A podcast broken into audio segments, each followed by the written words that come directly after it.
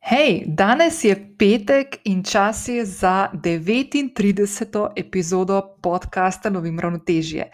Danes v epizodi gostim mojo zelo dobro prijateljico Barbaro Muran Vrviščar, strokovnjakinjo za protokol. Čeprav se na prvi pogled zdi, da je protokol niz suhoparnih uradnih pravil, ki je načeloma dolgočasen in ti ga res ni treba spoznati, ti lahko takoj povem, da je takšno razmišljanje daleč od resnice. Protokol je tudi del tvojega vsakdana. Skriva se v vsakem stisku roke, prihodu na sestanek ali opravek, ki ga imaš v zasebnem življenju, celo v najpomembnejšem delu komunikacije, ki poteka na neverbalni ravni. Izgled, obnašanje, drža in samozavesten nastop. Vse to je protokol.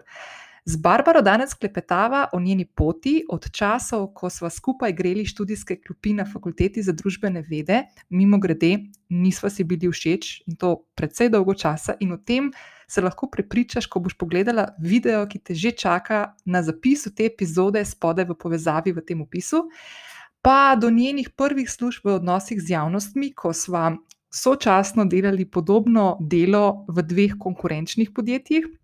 In kasnejšemu skoku na mestno občino Ljubljana v odsek za mednarodne odnose in protokol, kjer dela zadnjih 12 let. Profesor etnologije dr. Janez Bogataj je rekel, da protokolarna pravila preprečujejo zmedo, anarhijo, nered in določajo pot za različne vrste komunikacije, vedenja, ravnanja in sobivanja. In točno o teh stvarih se danes pogovarjava z Barbaro v tej 39. epizodi podcasta Lovim ravnotežje. Barbara svoje bogato znanje iz protokola prenaša tudi drugim v obliki predavanj. Zato sem si želela, ko sem njeno predavanje tudi poslušala, da tudi nama razkrije nekaj uporabnih informacij, ki nam bodo gotovo koristile, ko se naslednjič znajdemo v zadregi za, naprimer, svečano pogrnjeno mizo s kupom enega pribora, ko ne veš, kje točno bi se eh, začela, kaj bi prvo prijela v roko, pa do tega, kako se obleči, če naprimer dobiš vabilo, na katerem piše business casual ali pa white tie. Barbara ti bo tudi razložila in razkrila ogromno super na svetu, ki jih imaš lahko vedno seboj v roki, torbici ali celo na ušesih. Skratka, ta epizoda je krasna za vse, ki želimo na vsakem koraku narediti dober, najboljši in nepozaben vtis, in pri tem slediti svojemu koraku in edinstvenosti. Pogovor z Barbaro je prava zakladnica znanja in zanimivih zgodb v zakulisje dela v tej razgibani službi, in verjamem, da ti bo blazno, blazno všeč. Še eno stvar lahko takoj poudarim. Da skozi celoten pogovor z Barbaro smo se fino zaklepetali, pa ne glede na to, da je ta epizoda ena najdaljših, uh, ti svetujem, da si jo res poslušaš, magari v, v dveh različnih odsekih ali pa v dveh dneh. Um, Barbara skozi uh, pogovor zelo veliko krat tudi omeni, kako pomembno je, da je v življenju odkrila, kaj je njeno poslanstvo, kaj je njen zakaj. Zato, ker je to tista ključna gonilna sila, ki jo je vodila skozi sprejemanje odločitev, in ne na zadnje tudi do službe, v kateri je zadnjih 12 let. In te stvari, ful, ful, lepo uh, pove in razkrije. Tako da, če se tudi ti še vedno iščeš nekako v tem, kaj je tisto, kaj, kar bi v življenju želela početi, kaj je tisto, česar ne želiš početi, pa se enostavno ne znaš. Um, ne, ne znajdeš v tem, v tem uh, vrtincu občutij in čustev, in sposobnosti, in strasti, in, in znanj, ki jih imaš, uh, te vabim, da skočiš spodaj, tudi bom pustila uh, povezavo do delovnega zvezka, kako najdeš svoj zakaj, ki sem ga pripravila, ko sem tudi sama se s temi stvarmi ukvarjala in verjamem, da, da ti bo prišel prav. Preden skočiva v današnji pogovor z Barbaro, te vabim, da če še nisi prijavljena na podcast Lovim ravnotežje, to lahko storiš zdaj prek aplikacije, na kateri ga trenutno poslušaš. Vesela sem tudi ocen in mnen, ki mi jih lahko pustiš na podcast aplikaciji ali pa se mi, kot vedno, oglasiš v zasebno sporočilo na Instagramu. S prijavo oddaje ocene in mnenja na aplikacije, prek katere poslušaš podcast, pomagaš, da za podcast slišijo tudi tebi podobne ženske. In kot vedno te v opisu te epizode čaka tudi povezava do zapisa, ki je bila pripravljena za to epizodo in v katerega sem ujela vse stvari, ki jih bomo danes z Barbaro omenili v pogovoru. Našla boš tudi nekaj povezav, ki je lahko Barbaro ujameš, jo spremljaš še naprej in ne pozabi tudi tisti video, ki smo ga lani posneli o najnem. Um, nemaranju na fakulteti in kako se je potem najno prijateljstvo razvijalo skozi zadnjih 20 let, te tudi tam že čaka. Pa skočiva v današnji pogovor.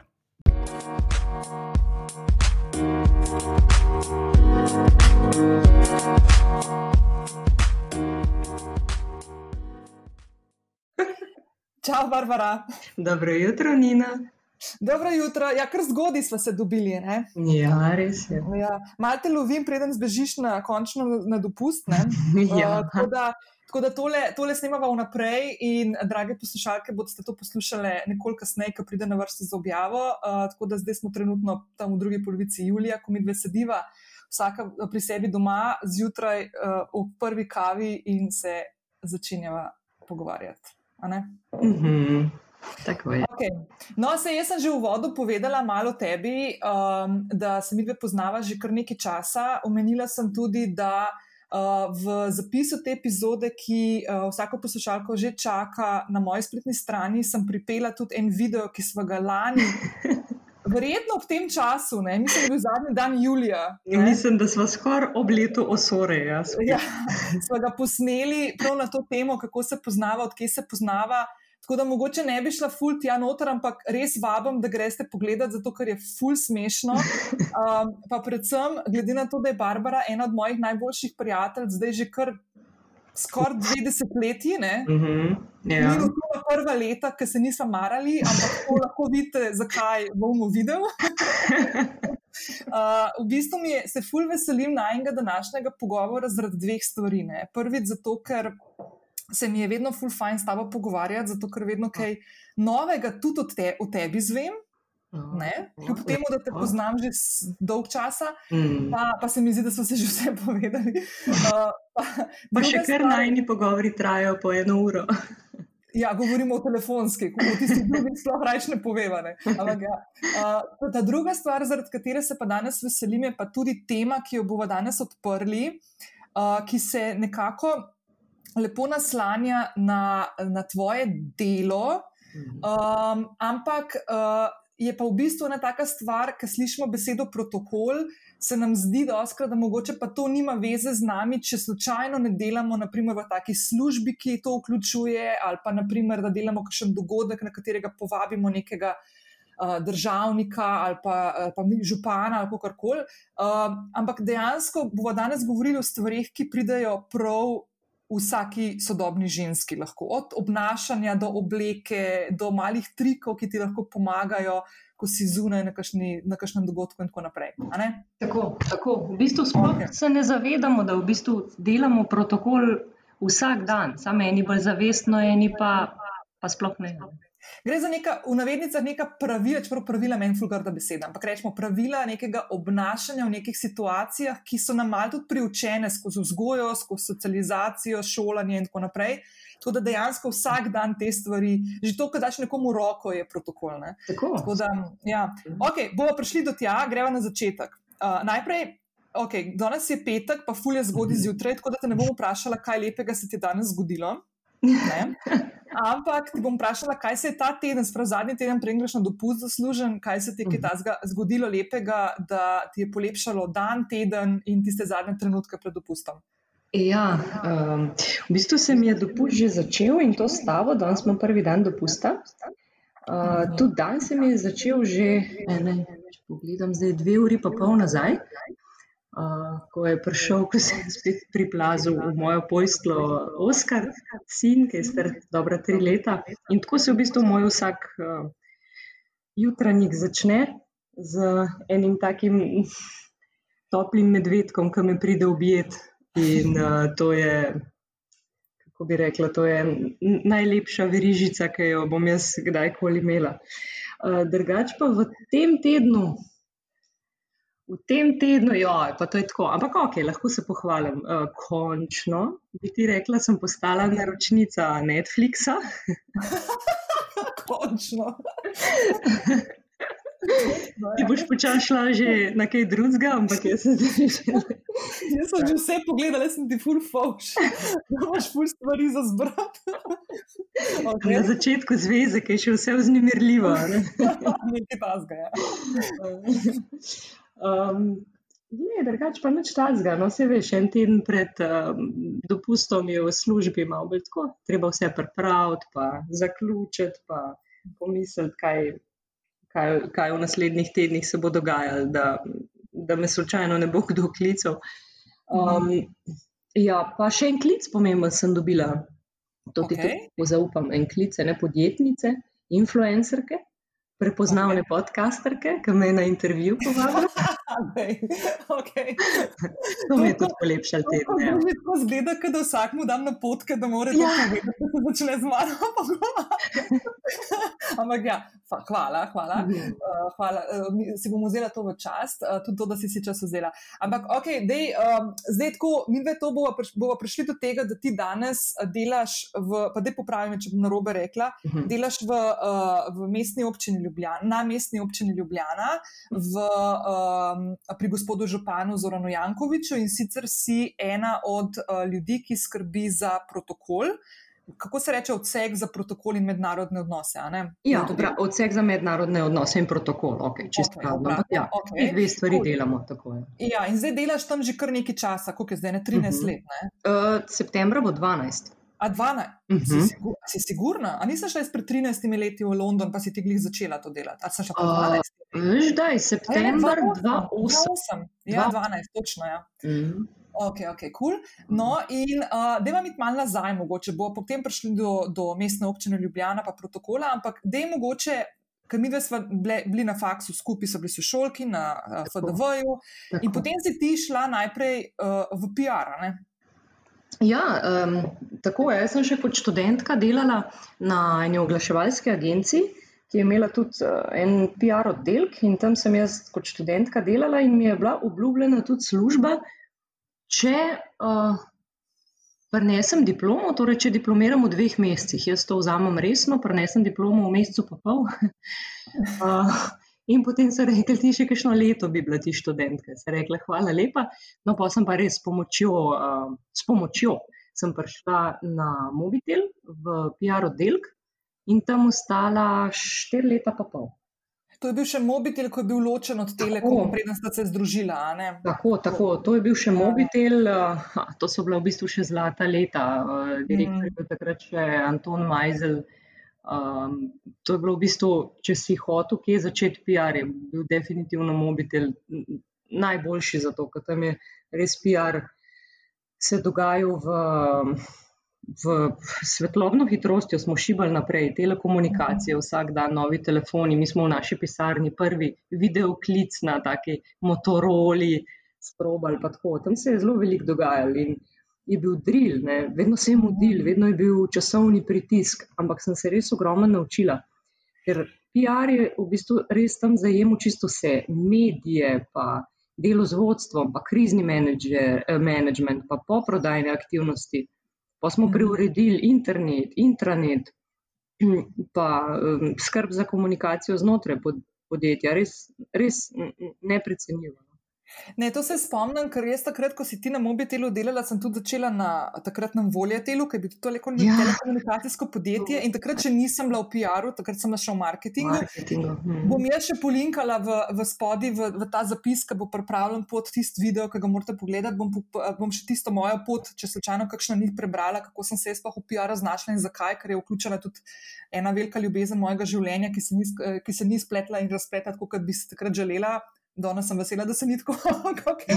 In zakaj dejansko, zakaj sem šla iz PR? Ampak jaz se spomnim tega, ko si ti na mobitelu delala PR, jaz sem na konkurenčni, niti še ni bilo konkurenčno, ker še Mhm. nisem imela mobilnega operaterja, takrat pol kasneje, ko, kasneje smo postali konkurenca v navednicah. Ja, Um, se spomniš? ja. In, in pol se spomniš še tega, da sem jaz dobila novega direktorja, ko so moje, moje podjetje, tuji, tuji lastniki, prodali Mirko Tušu in je za direktorja prišel Ivica Krančevič, ki je bil pri vas A, na naš. tehni. tehnični ja, direktor. In jaz sem takrat, se spomniš, jaz sem takrat tebe ful sprašvala, kakšen je, je kul, cool, mm. v redu, in si takrat, takrat meni dala ful dobre informacije. Tako da, evo, naj, v bistvu se za najne zgodbe tako ful, ful, ful prepletala in tudi pol kasneje, ko sem šla v PR, se spomnim, sem to velikrat tebe poklicala za kakšen nasvet. In mimo grede, ne, še ena stvar. Pa pa, pa, pa jaz, ko sem šla 2008, si šla ti na, na mestno občino delati, tako. jaz sem šla najprej v London. Pa potem sem prišla nazaj in sem začela delati na pristopu. In eden od mojih naročnikov je bil tudi mobitel. Ja. Ja, ker tebe ni bilo več, ampak so bili tvoji bivši sodelavci. Ja, ja. In mimo grede, potem, pa še tudi Telekom Slovenije, bil moj naročnik, oba ločena. In potem je Ivica Krančevič prišel na Telekom za predsednika uprave. Ta Slovenija mehna, res. Ja. Ok, ampak pusto za druge, da vas mi vse pogovarjate. Ok, cool. Se pravi, ti si delala na mobitelu kaj, ne štiri leta? Ja, dobro štiri leta, ja, štiri pa pol. Mhm. Okay. In, potem, in potem si šla, pa takrat, takrat si tudi že okušala ta protokol, pa to, pa ste imeli dogodke, pa je prišel kakšen, ne vem, pa če ne drugega, ste imeli tam upravo, pa ste jih mogli malo voditi, pa neka pravila, kje bo kdo mm. sedel, pa te zdaj če zelo poenostavim. Tebe je to vedno tako malo zanimalo. Meni se zdi, ko jaz slišim besedo protokol, meni je tvoja slika zraven, zato ker ti si oh. ženska, ki se mi zdi tako, da te stvari so ti tako ful. Ne pomembne, ampak tako, so del tebe. No, tako se mi zdi, da si ta prava za tako službo. Ja, hvala. hvala. Uh, res je, ja, takrat na mobitelu je nekaj tega bilo, tudi uh, dogodkov, tako da sem mali event managementa tudi izkusila. Mislim, da takrat. Takrat sem jaz ugotovila, da je to res moja strast, ker mi smo imeli ne dva do tri dogodke na leto in jaz sem bila takrat najsrečnejša v pripravah, v samem dogodku in pol, še nekaj časa me je to držalo. Um, ampak premalo, ne, PR, se veš, se več sedi. Drugač pa, kot si rekla, um, jaz sem to. Uh, Jaz imam to nekako v svojem DNK-ju, bi rekla. Na srečo nas je ene par takih, ki smo res strastni v protokolu, ki večini predstavlja bolj muko, kot ne. Ko sem se pripravljala na tale podcast, sem se spomnila, da sem že v osnovni šoli si za en rojsten dan od staršev zaželela knjigo o Bontonu. To knjigo imam še danes doma, tako modra je. Sicer ta pravila so zdaj že malo zastarela, ampak že takrat me je fasciniralo um, tako lepo vedenje, pa da poznam ta pravila, pa predvsem, da mi ni neroden kjerkoli. In se sta me doma starša lepo učila, kako jesti, pa biti ljuden, pa tako. Ampak še več sem hotla, ne, v povezavi tudi s tem eventom, kako pač se, se znajdeti in kako biti sproščen v takih situacijah, ki so za nekatere zelo stresne. Mhm. Jaz mislim, da smo mi prišli mogoče iz zelo podobnih um, okolij v družini, kjer so bili obe, obe malko privzgojeni in vzgajani v nekih mm. teh. Um, naprimer, tudi ko veš, jaz se spomnim moj oče nazaj, leta nazaj, ko sem se rodila, sta bila moja starša ful mlada in moj oče se je takrat kot študent preživljal tudi z um, uh, bil je model, no, humanitarno. Wow. Ja, imam celo neke fotke, mogoče sem celo kaj izbrskala, preden objavim ta show notes. Jaz se spomnim, jaz se spomnim naprimer, da sem jaz mojega očeta naprimer, gledala, ker se je on tudi za službo oblačil, vedno je bil tako lepo oblečen, vedno je, mhm. vedno je naprimer, nogavice, ki so bile dovolj um, visoke, da če je prekrižal noge, ki je sedel, se mu ni videl. Bravo. A veš, take stvari, take detajle, ne? Ali ja. da je bila kravata res točno do pasu, uh, dolga, ne mhm. krajša, ne daljša, da se mu je iz, iz sukniča ven videl. Uh, Mal robček, uh, srajce, pa, pa take stvari. No. Jaz sem te stvari, naprimer, sem živela s takimi stvarmi, zdaj, okay, zdaj sem povedala o obleki moškega, ampak tudi tako, mm -hmm. da moram vikati, da moram roko stisniti, da ko govorijo odrasli ali pa ko nekdo govori ne skačemo besedo, ok, s tem imam ful težave. Ampak, veš, naprimer, eh, nismo, nismo pa vsi iz takih okolij, oziroma, oziroma veš, to je ta senzibilnost, ki jo imajo stari, ali pa na kaj dajo pozornost. Ne? Mm. In se mi zdi, da, naprimer, če priješ iz takega okolja, iz katerega smo mi prišli. So mogoče določene stvari že tako ponotranjene, da to, zakaj to govorim? Ker se spomnim, ko smo se mi dve pogovarjali, mislim, da meseca februarja, ko si ti pripravljala eno delavnico za študente o protokolu. Ja, ja. Veliko stvari, ki si jih ti govorila, so bile meni tako sem jih že poznala. Ti si ogromen vedela takrat, res je, ti si ogromen ja. vedela že takrat. Mhm. Ampak to je iz tega ven. Ne? Jaz sem prepričana, mhm. res nikoli tega nisem, tudi nikoli nisem imela nobene knjige o bontonu ali pa mhm. protokolu, čemorkoli. Meni se bo to meni tako malo prinešeno v družini. Ja. In, uh, in okay, bova, mi bova šli vse to skozi, to te stvari, ki si jih tudi uh, uh, vključila, tako tudi tisto delavnico, ker ene par mi je tako sezul in se nekaj to mora posvetiti, da to bo prišlo prav v taki ženski, ki mi je res hudo. Ampak, ok, ti si, pol, ti si začela potem delati v protokolu na mestni občini Ljubljana. Kako to zgleda? Kaj zajema tvoje delo? Uh, ja, v bistvu jaz sem, jaz sem šla na, na mobitel. Uh, Pol kasneje sem videla za nazaj, dosta naduta. Jaz sem v bistvu sem imela dosta mobitela eh, tega PR-a, vse veš, kot PR-ovka, veš, da se naješ tega, ne, foha. Se ga imaš lahko vedno rad, ampak nekaj treba zamenjati. Uh, in nisem več vedela, kam na PR naprej iti, ker mobitel je takrat bil res top glede tega. Uh, župan Zoran Jankovič je bil pa takrat župan šlo leto pa pol in je bil seveda še na vseh naslovnicah, pa senzacija, prenovil Ljubljano in tako.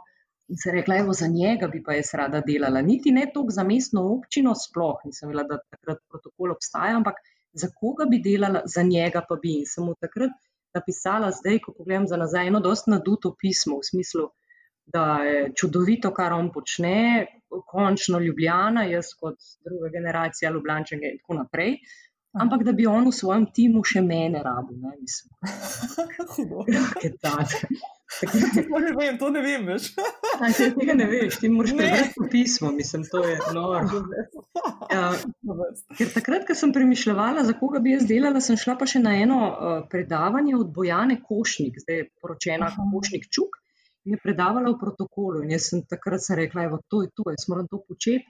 Sem šla potem do nje odmoru, sem rekla, jaz bi rada v tem delala, kaj predlagate. In ona je pred časom bila tudi enkrat čez vodja mestnega protokola in Aha. rekla, kar, kar tja pišete. Um, Marko Morelu, ki je potem kasneje moj šef, je bil šef protokola, kar njemu pišete. Sem rekla, fino, pa sem opisala to pretenciozno pismo, zraven pa županu, pa še zdajšnji podžupani, Tjaši Ficko, ona je bila pa prej šefica PR-a. Sem si mislila, kot moji stanovski kolegici bom pisala. Ne. A to si vsem trem poslala enako? Ja, ja. Oh, in jaz pošljem to, in mi potem res Tjaša odpiše ne, uh, mail enkrat zvečer, da, um, da ne pogledam razpis, da je en dan še odprt razpis in da ne prijem na razgovor. Tudi to nisem bila, da bi pogledala na spletno stran, če imajo kakšen razpis. Uh, Objavljeno. In niti, a imajo, a imajo PR, a imajo marketing, a imajo protokol, nič. Ker jaz sem v pismu napisala, da bi delala v njihovem PR-u ali marketingu sem pa ugotovila, da marketinga sploh ni bilo takrat na, na molu. Ampak jaz to, kar poslala. In res prijem na razgovor s eh, Htjaši, bila zelo prijazna, profesionalna, in pa me pele še do župana. Ta pogovor je trajal ene pol urce, jaz sem šla čist brez pričakovanja, ne bolj za izkušnjo. In je na koncu rekel, ok, v redu te vzamemo, ampak te vzamemo za tretjino nižjo plačo, in po pol leta boš, uh, boš brez službe ostala, ker to delovno mesto je samo nadomeščanje porodniške. In jaz rečem, super, fino vzamem. Ti se pravi, stoj. Se pravi, ti si šla na tretjino slabše plačeno delovno uh, plačo, ja. kot si jo imela prej na mobitelu, Tako. oziroma ne prej, kot si jo takrat imela, Tako. in za pol leta. Ja, in samo za pol leta. In pol bi bila okay. brezposelna, uh, in meni se je zdelo krasno. Jaz sem bila tok, nekje globoko se prepričana, da je to, ker je rekel, boš delala v protokolu. Sem bila tok prepričana, da bom dobra v tem, da sem si mislila, seveda se me bojo hotlo obdržati. Če dobro, okay. da sem jih takrat še držala, ta uh, prepotentnost mobitelova. Uh, okay. In jaz začnem delati v tem oddelku, šef je res postal Marko Morel, moj. In um, jaz sem bila Nina, jaz sem bila tako srečna. Jaz sem na poti v službo pela, tako sem bila happy in mi res mi odgovarja ta služba. Še danes me, mi je zelo všeč. In po pol leta v bistvu so me mogli opozoriti, da je minil pol leta. Ne. Se je rekla, ojoj, kaj pa, a, pa zdaj pa moram iti. No, pa seveda so me pola, nisem seveda, ne, na srečo, ne, in s mojim delom, ki sem ga do takrat pokazala, sem se tukaj izkazala, da so me pa potem zaposlili. Se pravi, zdaj si že v bistvu 11 let in pol presegla načrt. ja. ne, ampak to je tako ful dobra stvar, uh, ful dobra taka uh, opomnik za vse nas, koliko je treba ver, prvo verjeti v sebe, biti malo tudi prepotenten včasih, oziroma si drzen mm -hmm. narediti neko stvar, ko misliš, da se nekje vidiš. Ne? In, uh, in koliko v bistvu je pomembno, da prepoznaš pri sebi, kaj je tisto, kaj želiš. Česa si želiš, kaj želiš početi, kje se vidiš, ker potem, ko enkrat to energijo osvojiš, si praktično neustavljiv. Ne? Tudi tistim, ki uh, zbirajo ljudi, konc koncev, za neke nove, nove službe, oziroma za neke no, nove ljudi v svojih ekipah. Mm, mm. Ja, ful dobro, ful dobro. Okay, zdaj pa povej mi, kaj tvoje delo zajema. Zdaj si Aha, na mestni občini Ljubljana, si 12, skoraj že 12 let. Tako, tako. Uh, kaj točno pomeni to? Ali ja. se je mogoče v teh 12 letih kaj razvilo, pa si mogoče začela kakšne druge stvari bolj v spredje dajati, bolj fokusirana na kakšne stvari? No? Mm. Ja, zdaj, v bistvu, če ti čistko povem, skoraj po alinejah, kaj, kaj mi delamo na, protokol, na odseku za mednarodne odnose in protokol.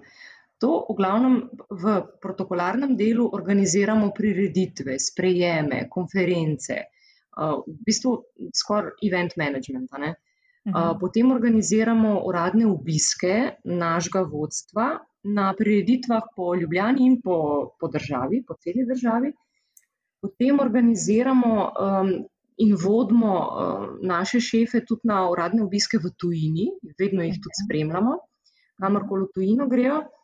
Um, Pol zdaj mednarodni del je pa tudi, da sodelujemo z drugimi državami sveta, s pobratenimi mesti, recimo, uh, pa korespondenco vodstva mestne občine z, z, z zunanjimi deležniki doma in po svetu. Ne, tudi, ne, uh mhm. -huh. Se pravi, to pomeni, da v bistvu ti uh, od tega, naprimer, da ima, da ima naprimer, uh, gospod Župan, uh, naprimer, da ima neko srečanje, ali pa naprimer, slavnostno sejo, ki jo imate enkrat na, dva, dvakrat na leto, enkrat na leto, enkrat, enkrat na leto. Maja meseca, 9. maj je praznik Ljubljane uh, uh -huh. in mhm. takrat, zdaj, če je 9. ravno vikend, potem naredimo še dan prej. Okay, se pravi, to je naprimer neka taka stvar, kjer tudi potem vsako leto podelite uh, naziv. Uh, naziv za, uh, kako se reče, že za občana? Uh, naziv za častnega meščana. Častnega um, meščana, ja. Tako in pa nagrade mestne občine Ljubljana in pa plakete. To je, to je v bistvu najvišji dogodek uh, mestne občine Ljubljana, najbolj pomemben, najvišji pa zaradi uh -huh. ker je nagrado. Ja. A ja, točno, nagrado, ja. ja. In je to v bistvu kar velika stvar. Ne. Priprave se začnejo kakšna dva meseca prej od tega, da moramo narediti odremo, torej seznam vabljenih, ki ga župan po, po imensko gre vse čez, pregleda, zelo je vključen tudi on v samo organizacijo um, želi vedeti, kako poteka. Um, potem, uh, potem, da sam prostor redimo, to je na Grajskem dvorišču, je en ogromen šotor za 500 gostov. Uh, oder postavimo tam, če mogoče veš, kjer je vodnak na Grajskem dvorišču. Aha, ja. um, vodnak je na takem kamnitem podestu in ta podest je že del odra, ker do zakompliciranja potem ta odr uh, podaljšati. Um, do, do tega, da dobimo budžet in um, dobimo nalogo narediti program. Ker, kot vem, državni protokol ima urad za proslave, pa oni uh, že serije najamejo, pa tako da je malo bolj. Mal večja stvar, ampak mi pa to sami. Ne? Tako da uh mhm. -huh. smo v eni točki tudi, v bistvu, kar režiserji, moramo biti kreativni in se v bistvu zmisliti cel program. Se pravi, ti bdiš, mislim, človek, ki uh, dela v protokolu v takih primerih, naprimer, bdi nad tem, kaj se v zakulisju dogaja, se pravi, od tega, mm. da je program steče, da grejo pravočasno ljudje, konc koncev, ko se enkrat odvija stvar na oder, do cele logistike, da je res tako narejeno, mm -hmm. treba, da so vse stvari, kot morajo biti, da so zastave, ki so postavljene v pravilnem vrstnem redu, da je sedežni red in povabljenci, ki so v pravilnem vrstnem redu. In tako se pravi, na, na, na, na, na, na noter in na ven, da zgleda kot tako, neka taka celovita. celovita tako, od, v bistvu od, od začetka, ko nekoga povabiš, um, to so poimenska vabila, um, adrema je dolga, je 2000, 2000 ljudi povabimo, do potem do tega spremljamo, kdo pride, kdo ne, dodatno še kličemo. Um, da imamo čim bolj, um, čim bolj jasno sliko, koliko ljudi bo, kdo pride zaradi sedežnega reda. Do tega, da potem, ko pridejo, pa recimo tudi kakšni tuji gosti, predsedniki in tako naprej, da jih pospremimo, župani in podžupani in direktorica se z njimi rokujejo, potem jih mi posedemo, treba je vedeti prve tri vrste, vsaj sedežni red, pač na pamet, da ko vidiš poznati, moraš tudi te ljudi, ne, da ko ga nadeleč vidiš, že točno veš, kam ga boš posebo, posedel. Do tega, da potem seveda delo z nagrajenci, vsemi, ki jih posebej um, sprejmeš in da se upišejo v zlato knjigo, mm. in še njih posedeš, še uh, naše vodstvo. Potem se pa program začne, zadnji ti moraš štima to vse z nastopajočimi, um, vse mora v bistvu se klapa do sekunde, da ko se ta zadnji gost usede, da že himna začne. Mm, in potem, da teče cel program, zadnji je vedno drama, ne, seveda v mhm. zakolisju. Lansko leto je bil naliv in je potem nam tekel na oder, in nastopajoči so stali v lužah in jih je zebali in so bili glasbeni. Um, do tega, da potem mora na koncu biti tudi uh, pogostitev, um, spet nekatere ljudi posprem do avto ali pa jih celo kakšen prevoz do doma. Tako, logistično zelo zahtevno, no? organizacijsko je to, kar no, zdaj, naprimer, kaj te poslušam in si mislim, tako včasih, ko smo začeli s tem, da, da zna biti protokol na dejtu, brez veze, pa dolgočasen, pa to. Ampak, naprimer, kaj bi se zgodilo, če tega, kar si zdaj povedala, naprimer, da ne bi bilo nekoga, ki bi bdel nad tem na takem dogodku, ki je 500 ja. ljudi povabil? Ja, se to, to, je to, to je to prekletstvo protokola, da če vse štima, če vse stoprocentno, se protokola skoraj da ne vidi. Če ja. pa ena stvar se zalom, je pa. Je je pa konc, ne? mislim, je pa velik film. Razpad sistema je to dejansko. Tako, tako, tako to da... zelo malo je treba. Lahko je to mm -hmm. en nalivček, ki traja dve minuti. Ja. Ki niti ja. nisi uh, sam kriv za kaj tazga. Ja. To je ena lepa prispodoba za protokol.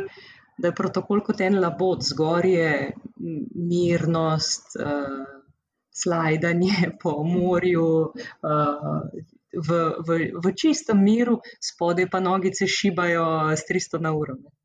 No, ampak zdaj tako ful mi je zanimivo, ker zdaj imam skozi misli. Jaz kar malo doživljam take panične, mini panične napade, ki ti govoriš, kaj se zajema. Zato, ker, zato, ker je to, um, se mi zdi, da sta um, omenila si dogodke, a ne organizacija dogodkov, mm. ki je mhm. del protokola.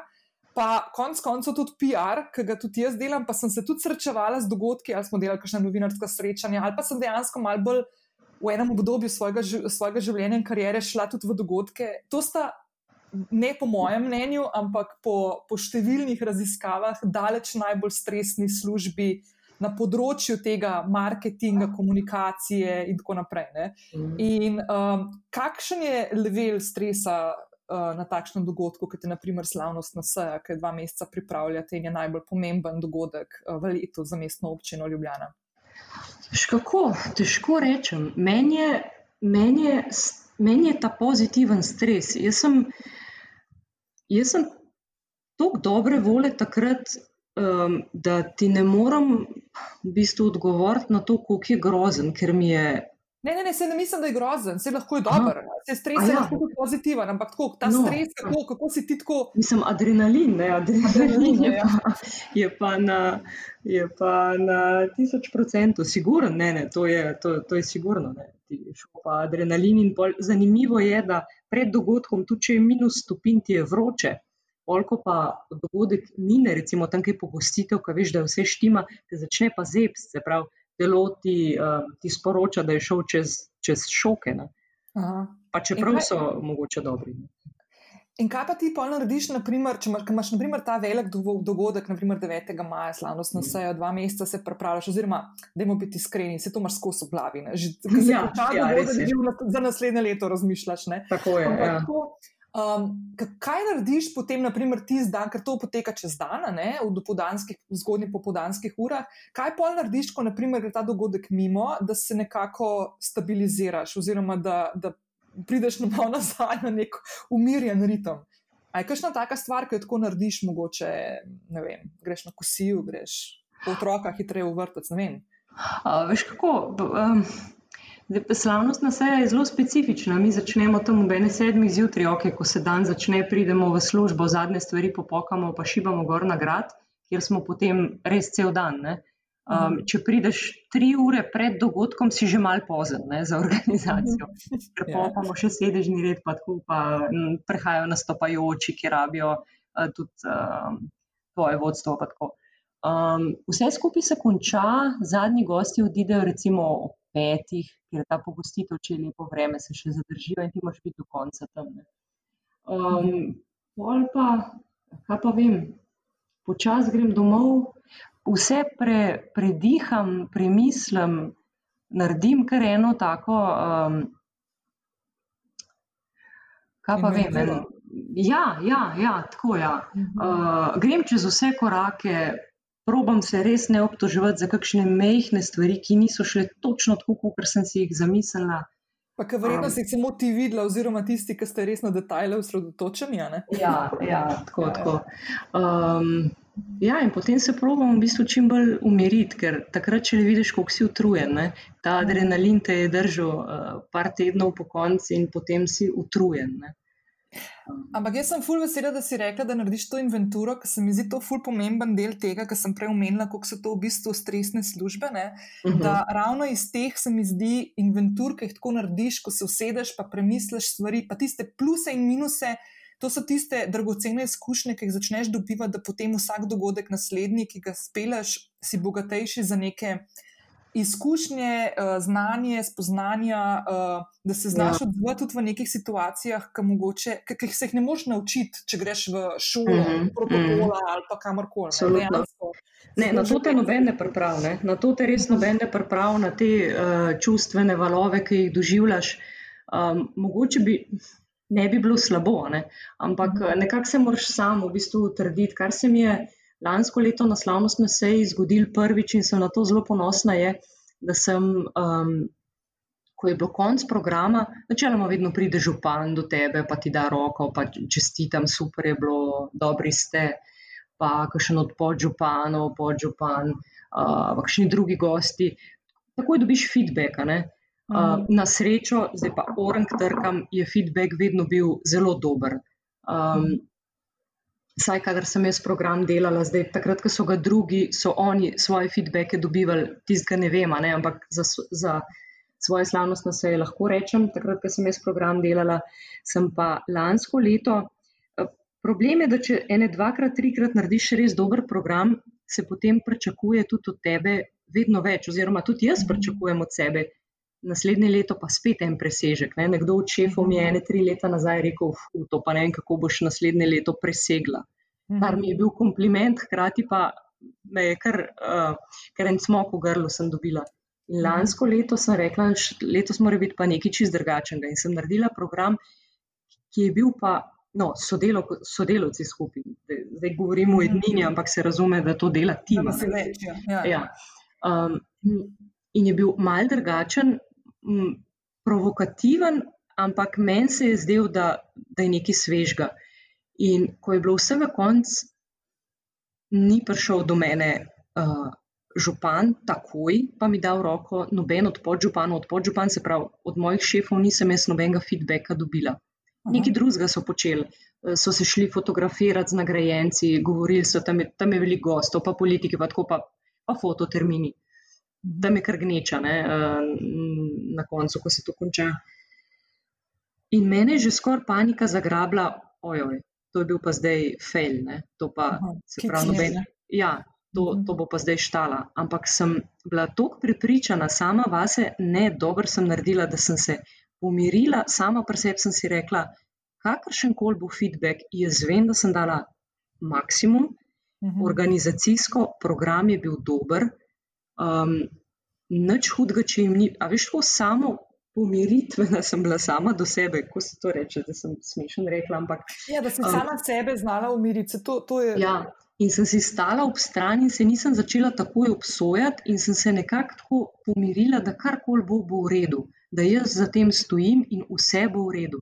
In ko sem to naredila, čez tri minute so začeli vsi, ki sem jih prej naštela, hej, super je bilo, bravo, to je bilo pa malce drugače. In Pol so bili feedbacki res zanimivi, da je ta zgo pa še niso videli, wow, kako ste si to zmislili in tako mhm. naprej. Ampak gre za ta moment, ko sem jaz bila sama s sabo in sem se znala uh, regulirati, umiriti, si stati ob stran. To mi je bil, na to sem na, na koncu še najbolj ponosna od cele slavnosti. Pa se po mojem je to ena stvar, ki je največje darilo, ki ga lahko sebi daš, ko, mm. ko se v bistvu izpostavljaš v takih službah, ki tebe zahtevajo.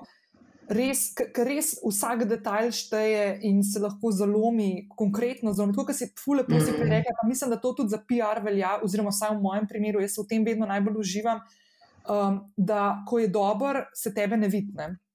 Ja, uh, ja. Noben ne ve, da si ti tam, ne, ko je dober. Mm. Ko, ko začneš laufati okrog, pa to pol veš, da je neka prčkarija se dogaja. Mm, mm. In jaz tudi, naprimer, pri svojem delu, čeprav mi ni bilo nikoli problem stopiti pred kamero ali pa povedati uh, neko izjavo za, v imenu svojega naročnika ali pa delodajalca, vedno ful uživam biti zadnji, se pravi, suportirati svojega naročnika, delodajalca v, v preteklosti in konec koncev pomagati novinarju, da dobi vse tiste informacije, zaradi katerih je prišel ali pa poklical ali pa povabil v studio. Mm. In se mi zdi, da enkrat, ko tudi vidiš, da nekaj gre na robe ali pa kako, ne moreš vplivati na vsako stvar. Mi smo tako malo kontrol friki, ne že zaradi narave našega dela, pa malo imamo mi v to obe tudi v krvi. Ja, ja. Je del najne osebnosti, kar mimo grede je povezan tudi s tem, da imamo mal ta problem, mislim, vsaj za sebe, bom rekla, v sindromu usiljivca, da moraš malo ja. kontrolirati, pa tako. Pa, ja, no, in, uh, in se mi zdi, da je tako, uh, da do tega prideš, da spustiš, ne? da spustiš in da rečeš, v redu je. Pa, ja. moj, moji standardi so že tako ful visoki in ker jaz lahko poklukam te stvari, je a job well done. Ne? Mm. Se mi zdi, da je to amazing, ne? tako da ful dobro. Ja, tako. Pa, pa še ena stvar, preden greva z njimi, da potem tiste uh, nasvete, oziroma ful dobre stvari o uh, obnašanju protokolu, ki lahko pridejo vsake ženske, ki zelo posluša prav, obljublja, da pridejo do tega, ampak eno stvar te hočem še vprašati. Kako sem jaz protokol mestne občine Ljubljana tudi spoznala, je, da sem tudi jaz bila že v, ča, v, v preteklosti v vlogi, ko naprimer sem delala kakšen dogodek, to je zdaj že kar nekaj časa nazaj, no, ko sem še zaposlena. In je, na primer, župan prišel na ta dogodek. In takrat sem res v vezi s tabo. Ne? Zdaj, eno je, da ti delaš dogodke, ki so znotraj mestne občine, ki imate vi na, v navednicah nadzor nad tem. Druga stvar je pa, da župan, kot se že prej omenila, gre naprimer, lahko na kakšne dogodke v Ljubljani, izven Ljubljane ali pa v tujini. Ne? In jaz se spomnim takrat, kako si ti v bistvu mene ful dobro vodi. Ti si v bistvu mestni člen med mano, blane pa med uh mhm. -huh. županom in voznikom, ki je župana pripeljal na nek dogodek, in od tega, kam bo prišel, da smo se mi postavili in ga tam pričakali, do ob kateri uri, in je bilo vedno to tako do minute, točno in tako. In se mi je mhm. zdelo tako amazing, in ti si to nadaljavo delala takrat, konkretno, ker se spomnim tebe, takrat tam ni bilo fizično, si bila, si bila po telefonu. Mislim, da to okay. ni bil tvoj dogodek, nisi ga ti vodila. Aha, aha. Si takrat meni kot prijatelj za dodatno podporo dala. Ja, ja. Kejsa, veš, če bo kakšna prečkanja. Ja. To je bil takrat tisti koncert, če se spomniš, Telekom Slovenije, uh, Vesolje veselja. Ah, uh, Seveda, ja. Je dežval. Ja. No, tu spet je dežval, mislim, to je tudi en moment pred dogodki, ki je res noro. Ja. Uh, In mi je bilo tako fascinantno, in me zanima, kako, naprimer, kaj veš, kaj ena stvar je, da ti sebe znaš pomiriti znotraj nekih, nekega okolja, ki ga ti mm -hmm. praktično vidiš, pa kontroliraš. Pa imaš pa še ti en kup enih dejavnikov, na katere ne moreš vplivati. Naprimer, da župan pride nekam, pa stvari niso porihtane. Mm -hmm. Stvari niso take, kot bi mogle biti. Mm -hmm. In se moraš znajti. Ja. Ja. Pa, to je tudi izkušnja. Ja, zdaj, veliko lahko narediš že prej, dobre priprave. To je, to je meni ključno, da se dobro pripraviš. Se pravi, sem vedno županov kot ena predhodnica. Um, če je nekam povabljen, jaz, zdaj, če je to zelo velika stvar, lahko pridem tja že kakšen dan prej, spoznam mhm. organizatorje, se pogovorimo, povem, kakš, uh, kakšna je naša praksa, jim pomagam. Zelo velikrat me. Eh, kakšni organizatori, ki tega niso vešči, prosijo za pomoč, pa kako ne naredijo sedežne red, pa bolj jim zastave pomagam, pa kako bi odr najbolj zgledal, pa kako ne programa bi najprej bila glasba, pa kako je s himno, pa tako.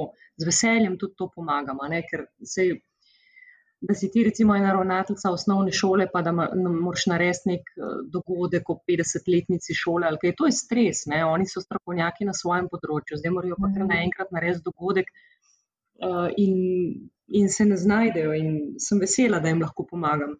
Mhm. No, sicer pa, če je pa to dogodek tako, ker jih imamo dnevno zelo velik, pa pridem sigurno nekaj minut pred županom, preverim tudi, kako je z, kako je z dostopom z, uh, za avto. Župan tudi rad uh, peš pride, no dobro, če malo lega, uh, voznik prpele.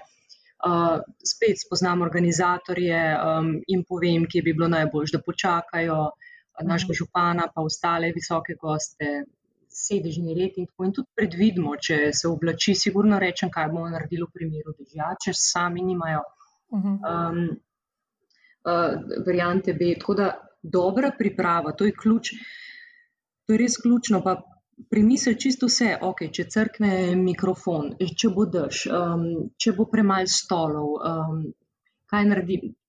Čim več stvari probaš predvideti, uh -huh. uh, sigurno pa potem, konc koncev, pa pride do improvizacije. Ne? In tukaj je spet.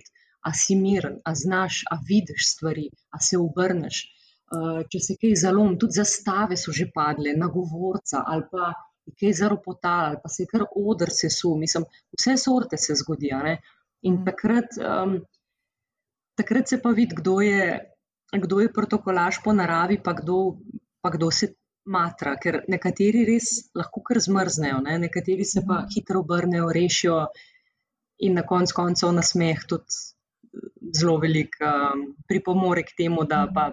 Tudi, če gre kaj narobe, pa če si sproščen, pa nasmejan, pa uh mhm. -huh ni konc sveta. Ne. Pa mirno, ne, da, da, da si miren, ne, da ne zgubiš. A veš, da jaz, na primer, zdaj, ko govoriš, si mislim, kako je v bistvu ena taka kontradiktorna narava, ki jo ima po mojem obem. Eh, čeprav jaz, jaz to mirnost sem zdaj v zadnjih letih spoznala, sem naprej fulživčna, pri vseh teh stvarih in to se mi je videlo in je vplivalo na druge ljudi, zdaj, ker grem nazaj. Ampak, um, da imaš po eni strani ta kontrol frikovski moment, ne, kjer pač moraš mm. vse nadzorovati. Eh, že zaradi dinamike dela, ki to od tebe zahteva, po mm. drugi strani pa ta mirnost, ki jo daješ. Ne? In v bistvu mm. je to taka, taka malce diskrepanca in v bistvu je zanimivo, kako lahko en človek. Nekako pluje med obema tema stvarima, kar se mi zdi, da ni tako zelo enostavno in mm -hmm. samo po sebi umevno. Je, mm -hmm. je pa nujno pri takem delu, ki ga upravljaš. Ne, absolutno, absolutno. Vse imaš protokolaše, če, če greš na dogodke, pa jih gledaš, ki so totalno živčni, ki jih vidiš, ki so nervozni ki imajo mrke obraze, ki laufajo gor pa dol, ki klicarijo. Mislim, ni, ni prijetno. Um, sej, v meni se vse ta vihar dogaja, ko gre kaj narobe, pa znotraj sebe preklinjam, pa sem panična, pa kaj zdaj, ampak na ven. Mislim, zato pa te šefi imajo, zato da jim ti v bistvu olajšaš. Jaz, moje delo je, da, župa, da županu um, oziroma ostalim mojim šefom olajšam, kamorkoli pridejo. Oni imajo v glavi svoj govor, pa imajo s kom vse se morajo srečati, pa vsebinsko kaj doreči, pa še en biznis, res pa to. Jaz sem pa tam, ne da jim plaš držim, vse znajo, a ne, tudi sami, pa je kdo drug še za to, pa si vrata odpre. Ni protokolaš to, ampak da mu ti olajšaš, da mu narediš prijeten dogodek, da pomisliš, kje bo sedel, koliko časa ima, s šoferjem se zmeniš, kje ga bo počakal, kdaj je naslednji dogodek. Včasih kličemo njegovo tajništvo, pa vprašam, kdaj mora biti na naslednji lokaciji, zato da vem, kdaj ga upravičam, kdaj ne bo govorc, mogoče bolj na začetku, da lahko prej odide. Uh, kje bo sedel, a mu bo vroče, a mu bomo dali eno vodo, če bo imel govor šele po eni uri take stvari in, z, in zato so hvaležni. Ali pa če gremo recimo v tujino, ne, to je še posebej zahtevanje, to, da moraš. Uh, na zadnje smo bili eno leto nazaj v Londonu. Um, ogromno organizacije, ne, se pravi, z organizatorji moraš vse po mailu, po telefonu, uh, potem moraš. Uh, Pa se pa začne od trenutka, ko se župan v avto usede v Ljubljani, do, do tega, da da ga sprejme župan Londona, do takrat, da vse poteka in potem, da pride nazaj. To si v bistvu skozi uh, z njim še celo hotelo, da ga pravočasno zbudijo, ne? da mhm. potem na kaj naprej ne zamudimo. Mislim, ti imaš mogoče tukaj, to je ful dobro, ti imaš mogoče tukaj, pa da sem zdaj zmotila, ampak tako, ko te opazujem, pa ko pomislim na uh, župana Jankoviča, ker sem tudi jaz imela par stikov že z njim v življenju, pa, pa vidim, kako funkcionira. Máš mogoče tudi malo srečo, da je on tudi karakter človeka tak, ki je prvič full odprt. Uh, drugič je v bistvu tako pozitiven, no, tako mislim, da pač ni tisto, da vidi neke skozi neke tečne stvari ali pa negativne uh -huh. stvari. Pa da v bistvu mu blazno veliko pomeni tudi to, da, da so stvari organizirane, da se pravilno spelajo, da je pravočasno, pač da je tako po protokolu, po navedbi, mm. narejen. In mislim, da je tukaj v bistvu to, to ful veliko od tehta in je verjetno s takim človekom potem ful. Ful fajn delati, no? ali se motim? Ja, ne, ne, sigurno. Mislim, on, on je, kar se tega tiče, res, res krasen. Ne? Je odprt človek, tako kot, tako kot si rekla, in vedno pove, kaj želi, kaj rabi. Včasih pa, a veš, včasih pa nek. Um, neka persona take velikosti niti uh, se ne ukvarja z vsebino, da potem, ko mu nekaj olajšam, niti ni vedel, da, um, da bi bilo to še, še bolj za njega. In potem, ko vidi, da sem mu nekaj pa vseeno olajšala, pa je pa še toliko bolj hvaležen.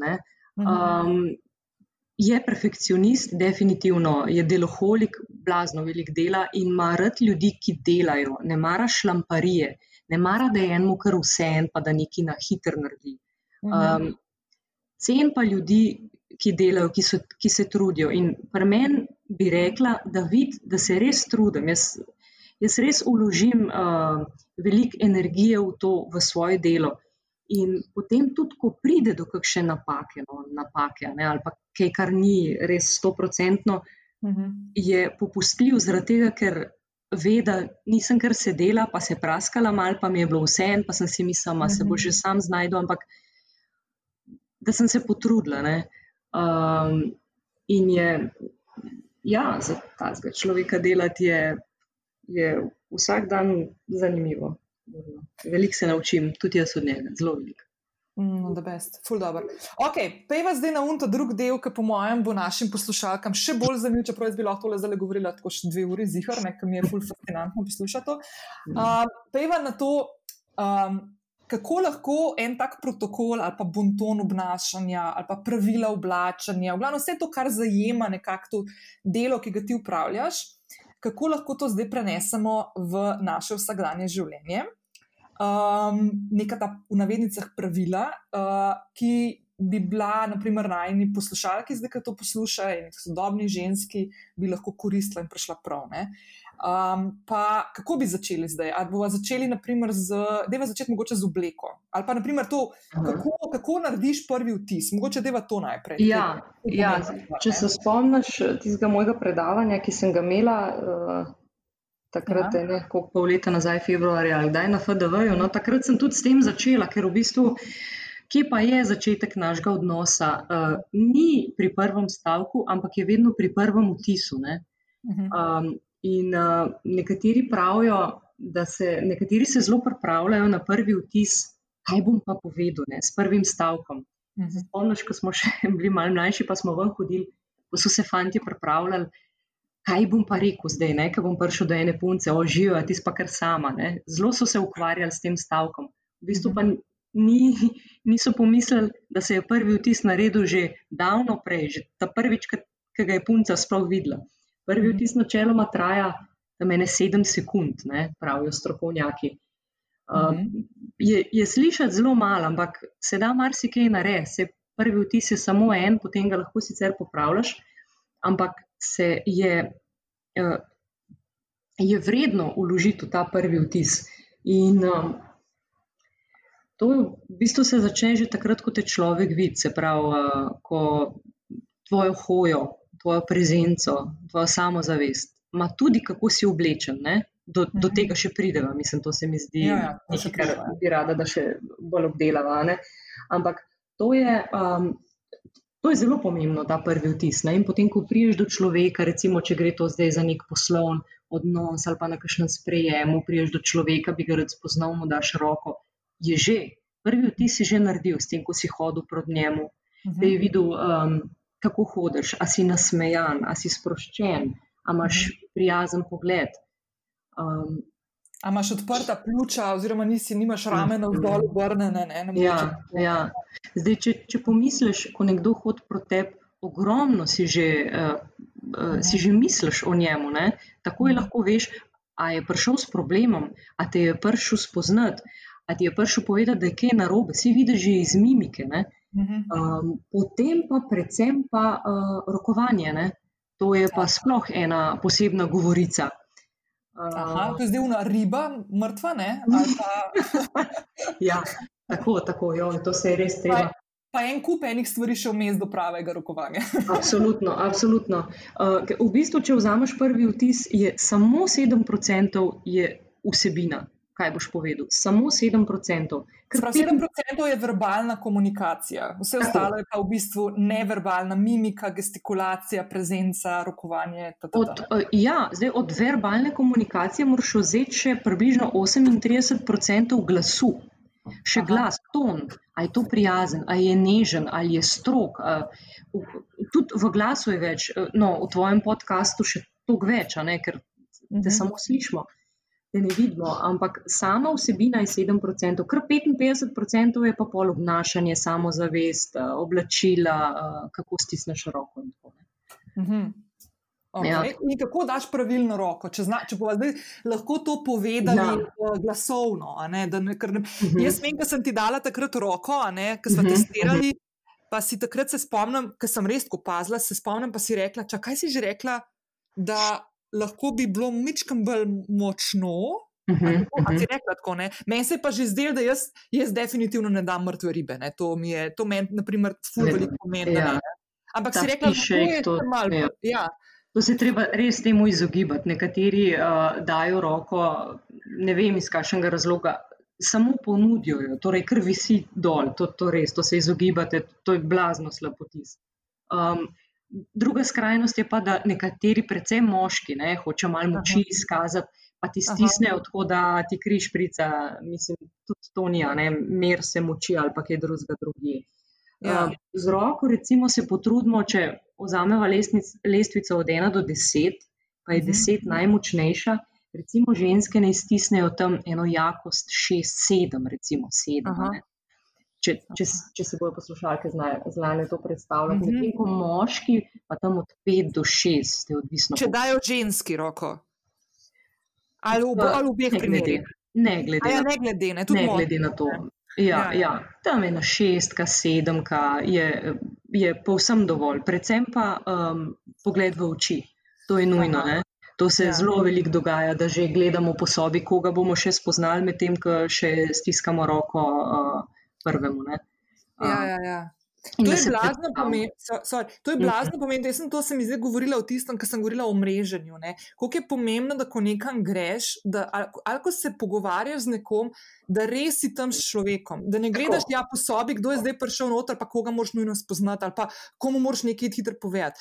Jaz se tudi doskrat zalotam, da to napako naredim. Vse to so stvari, ki smo pač zato, ker, ker, ker bezlamo v glavah. Ja, Ampak ja. kako je pomembno in koliko veliko sporočaš človeku, Ko se z njim dejansko, no, naprimer, če se vrnem zdaj na tvojega, na tvojega šefa, ne, uh -huh. on, naprimer, vedno v vsakem trenutku, ko sem imela jaz z njim stik, vedno mi je dajal občutek, da je takrat, ko z mano se pogovarja, pa so bila dva stavka lahko, ali pa eden, vse vseeno pa samo živijo.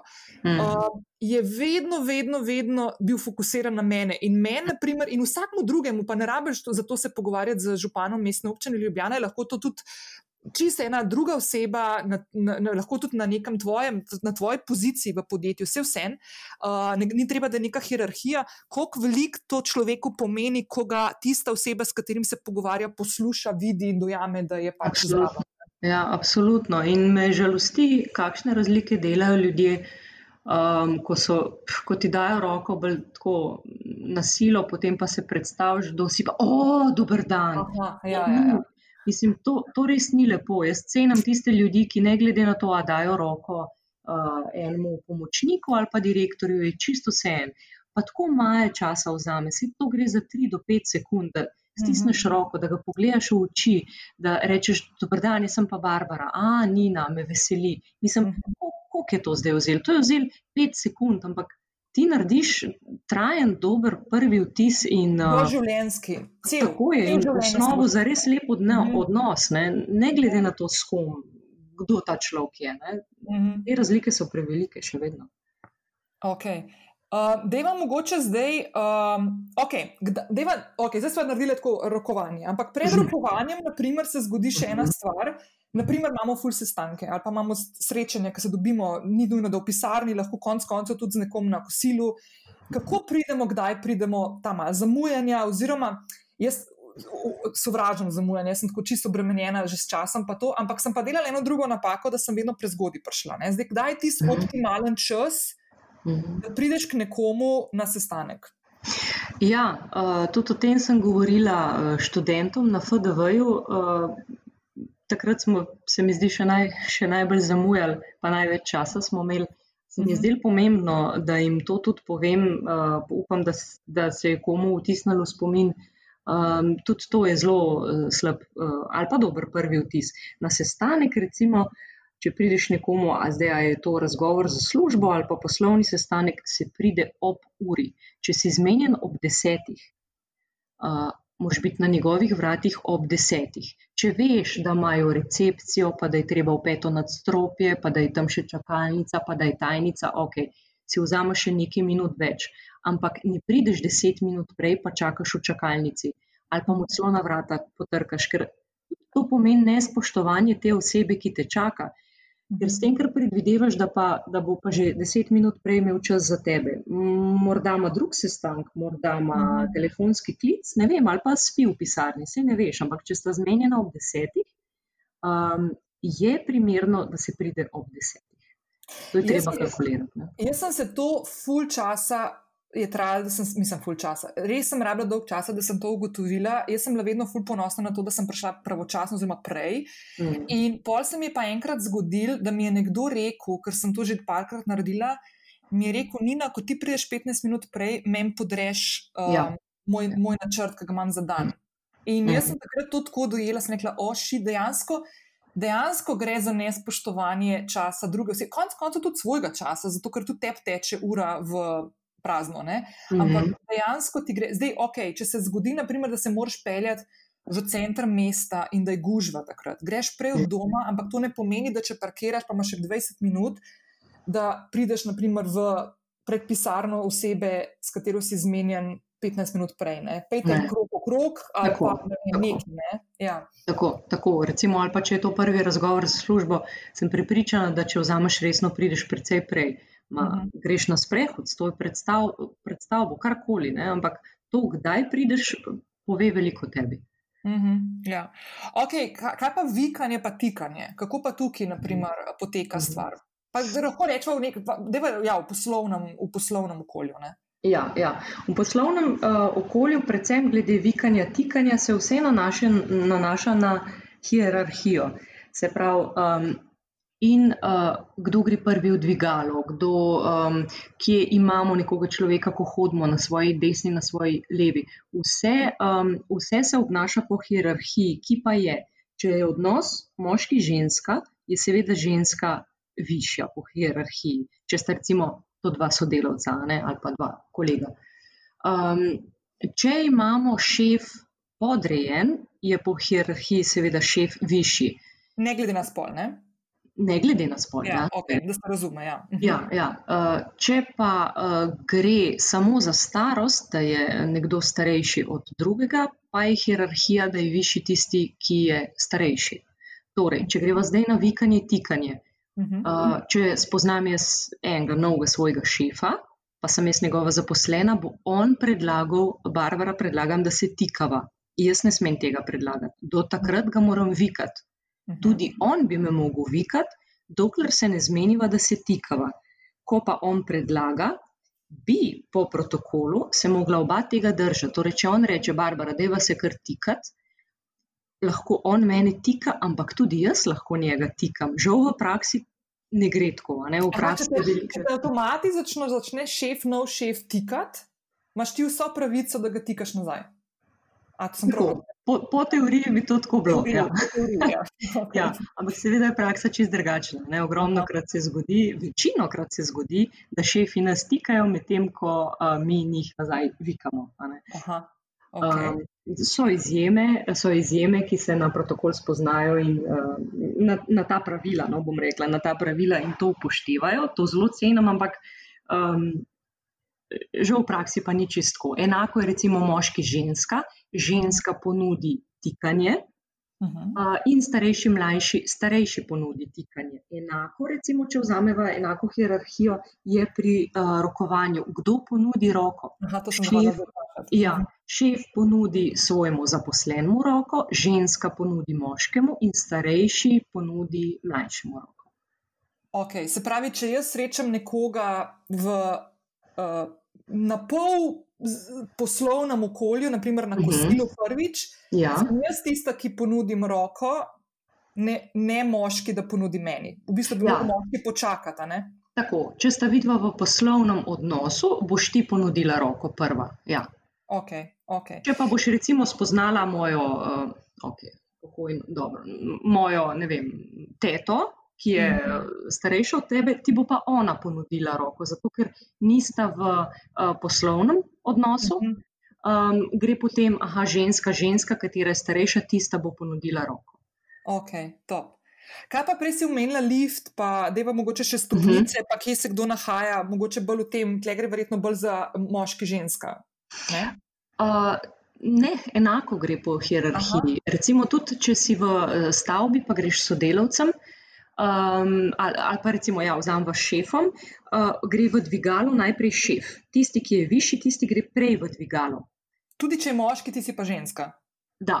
Okej. Ampak recimo, eh, predvidevamo, da je to tvoj nadrejen. Ne? Če Ja, pa sta ja. vidva dva sodelavca, približno enako po, po hierarhiji, potem si ti ženska in greš ti prej v dvigalo. Okay. Včasih Dobro. je bilo tako, v starih časih dvigalo ni vedno, pr, tla niso prišla. Ne? Ja. Um, in si včasih stopil v prazno, ok, redko, ne? ampak tudi to se je zgodilo. In je bilo pravilo, da gre moški vedno naprej kot gentleman, da preveri, če so tla. No, zdaj v sodobnem Mhm. času dvigalo kar pride? Uh -huh. Uh, tako da velja to hierarh- hierarhično pravilo. okay, ampak če naprimer imaš ti, naprimer, da si v, v zasebni vezi, naprimer par. Ja. Moški, Ja. ženska. Ali pa, naprimer, da ste na začetku, ampak ne bi to trajalo skozi celo življenje, ampak ne morem Pač Ja, po protokolu. ne, Gresta Mhm. moški in ženska, naprimer, v gledališče. okay. Ne? Okay. Ko gresta po stopnicah iz garaže. Mhm, Stopnice. Ja. Ja. Uh, stopnice so pa specifične. Se pravi, vedno tisti, ki je višji po, po hierarhiji, tistega je treba čuvati po stopnicah. Se pravi, ko gre on navzgor, ali je to zdaj tvoj šef, ali, pa, ali pa si moški, pa imaš svojo damo, jo paziš, ko gre po stopnicah, s tem, da hodiš za njim oziroma za njo. Se pravi, ko greš gor, ne? Ko Tako, gor. v primeru, če bi padla, da jo ti ujameš, vedno je treba gledati, kaj, kaj bi bilo hudega, če nam ta naš, zdaj, ali je to vaša žena, ali je to šef, da pade. Seveda ga ujameš. Na, um, potem pa, ko pa greš po stopnicah navzdol, si pa pred njim oziroma njo, ker če pade, pade navzdol, spet da ujameš. ne. Uh -huh. In na kateri strani hodi moški, pri ženski? Uh, če sta moški ženska, imaš kot moški svojo žensko na desni strani. Desna je tista, ki izkažeš nekomu, um, da ima večjo veljavo, no, oziroma da je neko častno mesto, je vedno desno. Se Mhm. pravi, tudi uh, mož pa žena, ko gresta proti oltarju, recimo um, ženi in pa nevesta, ko gresta proti oltarju, vedno jo imaš na svoji desni, ali pa ko gresta na sprehod, mož pa žena, je žena na desni, ali pa ko jaz spremljam svoje šefe in jih imam na desni svoji. Uh -huh. Okay. In tako je tudi, recimo, če, je, um, če si gostitelj Uh -huh. uh, ene prireditve in pride ne vem, predsednik države, ki je tvoj častni gost, ga pospremiš do sedeža. Skozi je na tvoji desni strani, in ko se usedeta, ga imaš tudi na desni strani. Tud, uh, to je en del sedežnega reda. Ne. Aha, ok. Cool. No, dej, mogoče ta sedežni red, ki smo bili tukaj, pa gremo pa malo naprej. Se pravi, ja. Če delaš nek, ali dela, lahko je sestanek, se ni treba, da zdaj predsednik okay. države pride, ne? ampak naprimer. Ja. da je sestanek za neko mizo. Uh Uh, -huh. na eni strani je uh, vodstvo tvojega podjetja, na drugi strani tisti, ki pridejo na sestanek. Uh Mhm. -huh. Zdaj, a najprej, a predvidiš tudi, kje se bojo usedli gostje? Bi A, fajn, ne? Ja, absolutno. Ja, ja, ja. Um, tako kot si rekla, je tudi najbolj uh, običajno. Se pravi, na eni strani mize so gostitelji, recimo župan s podžupani, na drugi strani so pa gosti, recimo um, župan vem, Berlina pride za, svo, za svojo delegacijo, jih boš dal na drugo stran mize sedeti. uh -huh. kako jih posedeš. Posedeš na sredino mize, predvidevamo, da je to pravokotna uh, miza. Posedeš na sredino mize, na eno stran gostitla, na drugo stran glavnega gosta, torej oba župana, si gledata nasproti. Potem pa županovo delegacijo posedeš na vzven, na njegovo desno posedeš drugega najpomembnejšega, recimo podžupanjo, um, potem na njegovo levo posedeš tretjega najpomembnejšega, potem, in potem na vzven.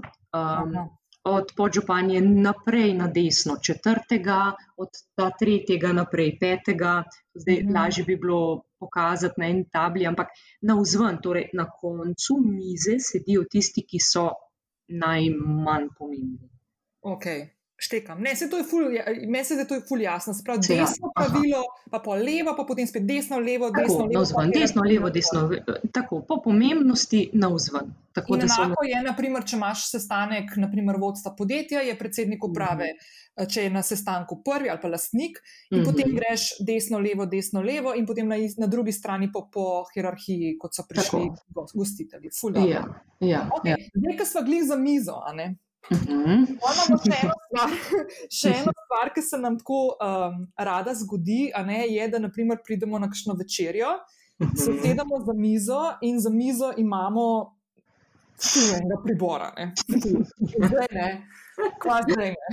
Kaj zdaj, ne? Ja, zdaj bom, mi se bom jaz kakšno fotko vključila noter tudi v zapis te epizode, zato da lahko si uh, poslušalka to pogleda da se bo malo bolj predstavljala, ampak načeloma, če probava zdaj tako z, z, z besedami, v besedi, uh, kaj ja. narediš, ko se usedeš za mizo in imaš kar nekaj fuljenih krožničkov, uh, pribora, mhm. kozarcev in tega. Ja, ok. Prva stvar, vdih, izdih, ne paniciraš, vse bo v redu, čakate hrana. uh, potem, če to, recimo, da gre za neko poslovno kosilo, uh, kjer je prtiček iz blaga, lahko začneš pri njem. Uh, položi si ga na, uh, na, na, na noge, diskretno, brez tega mahanja, kot zastavo. To, in pustiš ta prtiček čisto do konca. Uh, ga ne, seveda se ubrišeš in ga položiš nazaj, ampak um, po glavni jedi ga ne daš na mizo ali pa pred sladico ali kako koli. Mhm. Samo če se odmakneš, da greš na stranišče ali narediti kakšen klic, takrat ga daš na mizo, sicer počiva na nogah vse čas. Če lahko odhaja, ko odhajaš, ga daš nazaj na mizo. Recimo, začneš pri prtičku in mi, ki se protokol gremo že toliko časa. Jaz, recimo, točno vem, kaj bom jedla. Ko se usedem za mizo, mi je že jasno. Po priboru, po krožnikih, po, po kozarcih, vem, kaj bom jedla in kaj bom pila. Ampak, če, če si v zadregi, začneš s priborom o, od o, najbolj skrajnega pribora, recimo to je lahko kakšna žlica na koncu, o, proti notranjosti, proti krožniku jemliš pribor. Um, nekaj klasičnega dnevnega ali pa tudi večernega je, da dobiš krožnik, potem sta pa levo dve vilci, desno sta pa dva noža, pa žlica. Kaj to pomeni? Da žlica je najbolj skrajna, eh, najbolj odmaknjena od krožnika, pomeni, da z njo boš začel, verjetno boš dobil kakšno juho. Potem začneš proti notranjosti, vzameš nož, pa vilco, bo kakšna predjed, na koncu vzameš malo večjo vilico, ki je najbolj pri krožniku, in malo večji nož, to bo pa glavna jed. Po obliki noža vidiš, ali bo meso ali bo riba. Um, gor, krožniček manjši, levo zgoraj se ti tudi lahko pojavi, to je največkrat za uh, kruh, um, pa še namaz pride kot dobrodošlica iz kuhinje. Uh, kozarce pa zdaj težko je tako le uh, nadaljavo, ampak kozarce tudi po obliki vidiš, ali bo rdeče ali bo belo vino. Mm -hmm. Sigurno dobiš ti snize kozarc za vodo. Mhm. Moče penina za te oske kozarce. Vse mogoče, tako, kar se kozarca za vino, čeprav tle se malo spremenjajo stvari, vseeno, mislim, uh mhm. -huh. v vinskem svetu, ne v protokolu. Ampak, naprimer, kozarca za penino, verjetno poznamo tudi tisti, ki je na peclju visok, ož, ož, Uh, potem, je, potem je kozarec za rdečo vino tisti, ki, večji, uh, ki ima večjo um, čašo. čašo uh mhm, -huh, in kozarec ja. za belo vino tisti, ki je nekoliko manjši po izgledu. Ne? Tako, tako ne, bi, ne bi tako izgledalo. Uh -huh, uh -huh. okay. Eno vprašanje, če naprimer med večerjo moraš na WC. Ja. Vidiš za mizo, ki je okrogla, diskretna, naprimer, da je skupina šestih, sedmih, se pravi, oska skupina ljudi, ali se upravičiš? Ne. Ali to ni, pot ni potrebno? Ne, ni potrebno. Ni, mogoče, če si v pogovoru s kom, če ti je kdo blizu. Um, se upravičiš tistemu, ki sedi zraven tebe, če se pogovarjaš, oprostite, sam skočim. Ne? Morda, reči, ampak je... niti ni treba. Ne, diskretno odložiš prtiček, vse je vsem jasno. Ne? Da okay. ne odhajaš, ampak da greš samo naprej. Okay. A si ženska lahko za mizo, ko sedi za umizjem, naprimer, uh, preveri šminko? Lahko, lahko. I, nihče ne bo obsojal, največkrat se dame sicer odmaknejo, pa grejo na stranišče s torbico, pa se tam uredijo. A, mhm. Ampak ni konc sveta, tudi če bi za mizo, si, še posebej, če je moška družba. Se, ne, in, kaj, in kaj narediš, A, zdaj film? Ne? Uh, vzameš ja. nož, ki ti je še ostal za glavno jed, in pogledaš v odsev noža, pa upaš, da je res full zglaven. Ali vzameš. Ali vzameš uh, zdaj, drage moje, lahko vidite, da sem jaz Barbara tudi kdaj kaj v zadrego spravila. ali pa v smih. Um, ali, na primer, imaš uh, priročno kakšno ogledalce v torbici. Ja, tako. Imáš ogledalce celo. Nekatere šminke obstajajo, ki imajo že svo, v svojem etuiju uh, ogledalce. Te so še posebej, so mi tako. Ampak ja, imaš ogledalce, imaš šminko, mislim, še vedno je najbolj elegantno, da se odmakneš, ne, da greš uh -huh, uh -huh. Če okay. ne gre drugače, lahko diskretno, zdaj to ni, da bi pa zdaj z vatko dol, šminko, pa malo vazeline, pa pol občrtala ustnice. Ja, ti opečemo na ustnicah. Ne, ne, pa s kakšnimi čopiči, pa to seveda ne, ne. Če pa to zdaj uh, gre za nekaj sekund, sam mal mm, osvežiš barvo, potem pa ni, ni drame. Ok, ampak naprimer sediš za mizo, pojedla si glavno jed, uh, bila je špinača, naprimer. To je mm. problem s tem. Ne, ne naročite tega. Ja, ja, ne naročite takih stvari. Ampak zdaj pa tako, ja. tam si pojedla ne, in mhm. občutek v ustih imaš, da se ti je en kos špinača zataknil med zobe. Klasika, ja. Klasika. Kaj, kaj, kaj je zdaj ful dobro in zdaj, drage moje poslušalke, prosim, poslušajte ta del, ker to je pa najbolj noro, hud na svet, ki sem ga slišala. Sorry, Barbara, si čakala, da imaš čas. Ja, ja, to sem čakala ta trenutek. Kaj je ful dobro narediti in kaj je vedno ful fajn imeti pri roki. Ja, zdaj, seveda, zobotrebci izginjajo ne? in iz mis in iz restauracij na splošno. Nekatere restauracije imajo še pri izhodu šalčko zobotrebci, načeloma pa tega ni več. Um, absolutno, tudi če, tudi če se vam znajde zobotrebec na mizi, ga ne uporabljajte. To je nedopustno. Zobotrebca pred drugimi se ne uporablja tudi če date roko česa, ne, pa, da boste zdaj pa vi fini, pa diskretni. Ne, vse odmakneš na stranišče. Se pravi, da imaš potrebe, če greš na WC. Ne, za potrebe se ne dotikate. Ja, ok, ok. okay. ne. ne. Ne, zdaj, če si, eh, če si prej mislil na vse, imaš za potrebe ali v žepu ali v torbici. Aha. Zdaj pa verjetno pridemo do tega dela, ki Prosta, si ga lahko pozorno poslušajmo. Ja. Ja. Uh, zgodi se pa kdaj tudi kakšna panika. Uh, odvisno, verjetno, kako, kakšno postavitev zob imate, ampak jaz meni se zelo velikrat hrana, pa tudi če ni špinača, zatakne med zobmi. Zato po vsaki jedi se jaz odmaknem na stranišče, uh, sem pripravljena za potrebci in tako naprej. Ampak, ok, zgodilo se je že, da pa za potrebca nisem imela in da nisem mogla z vodo si spraviti hrane ven, in da sem vedela, da se bom v družbi smejala vsaj še eno uro, kaj pa zdaj. Ja. Ampak, lepo prosim, zdaj klej bi rada povdarila, to ni protokol, to ni um, pravilo, to ni na svet, uh, da me ne bo kdo uh, zdaj držal za svet med ženskami. Kolegijalen na svet med ženskami je to. Okay. Tako, hvala. Ja, ja. Res zelo neformalno, no, da rečem, da je vse no, zelo on the record, ampak res ja. ni taka stvar. Lahko, če imate uhan, um, ki ima tisto iglo, gre čez uho, lahko si pomagate tudi s tem. Jaz sem pač skozi stisko našla to rešitev in uh, me je velikrat rešil uhan, ki je po obliki podoben zobotrebcu. Amazing, sorry. Ampak... Ja. To je meni to tako. Vsak, to je lifesaver, to res ja. je velikrat lifesaver. Vsakič, ko kam grem, tako da imamo misli. Čeprav mi se za to pogovarjali in to se mi je odkrila, razkrila tik, preden se je začela samo izolacija, tako da na enem takem hudem dogodku od takrat nisem bila. Ampak vedno, ko si dam v Hane gor, se spomnim, super, da vam zabutejo, da bo če bom rabila. Zato, ker jaz nimo grede, ne, meni se tudi vedno vse nekaj pozna. Ja. Navleče, tako da fulano. Ok, hej, top, fulano.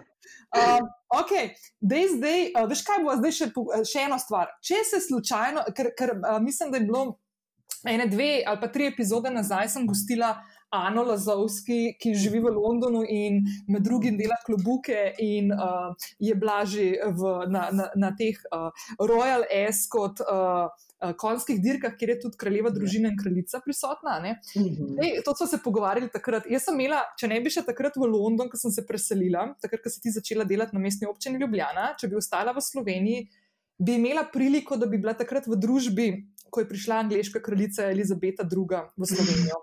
Ne, tudi, sem dala odpoved v takratni službi, sem dobila ta učitek, da lahko zdaj odhajam, če me je dala gospa šefica na listo, da bom spoznala kraljico. Okay. No, kaj bi mogla jaz, na primer, uh, okay, verjetno to dobiš. Pravila, kaj moraš imeti oblečen, kaj ne smeš imeti oblečen. Ampak, da je v te klubučke, uh -huh. ki smo se ravno pogovarjali. Ja. Klobuk moraš imeti na glavi v prisotnosti kraljevega kraljeve družine. A tudi, naprimer, je prišel, kdo je prišel, princ, ne princ Andrew, Edward je prišel v Ljubljano, zdaj na zadnje, ne njen sin. Tako, tako. Je, je prišel, joj, a veš, da tukaj sem pa bosa, ker me pa takrat ni. Aha, okay. zdrav, oziroma sem bila, ne, klobukov ni bilo potrebno imeti takrat. Za njega. Za, za njega ne. Bilo, ne. Ja, spomnim pa se, ko je kraljica bila na obisku pri nas, jaz sem bila takrat relativno nova. -huh. uh, na protokolu. Vem, da sem bila samo kot pomoč, da nisem bila dejansko uh, vse čas zraven. Uh, spomnim pa se, da si je sodelovka šla kupiti klobuk. Ja, to pa je bilo. Uh, Nujno in tudi župan je imel soprogo, vse čas zraven, vse čas obiska uh -huh. uh, in je imela tudi ona klubuk. Ja, takrat uh -huh. pa so bili klubuki. In to, veš, kaj me zanima? Naprimer, ko pride, napri, naprimer, da se ti znajdeš v situaciji, ko, uh, naprimer, mestna občina Ljubljana, ko pride, naprimer, kraljica.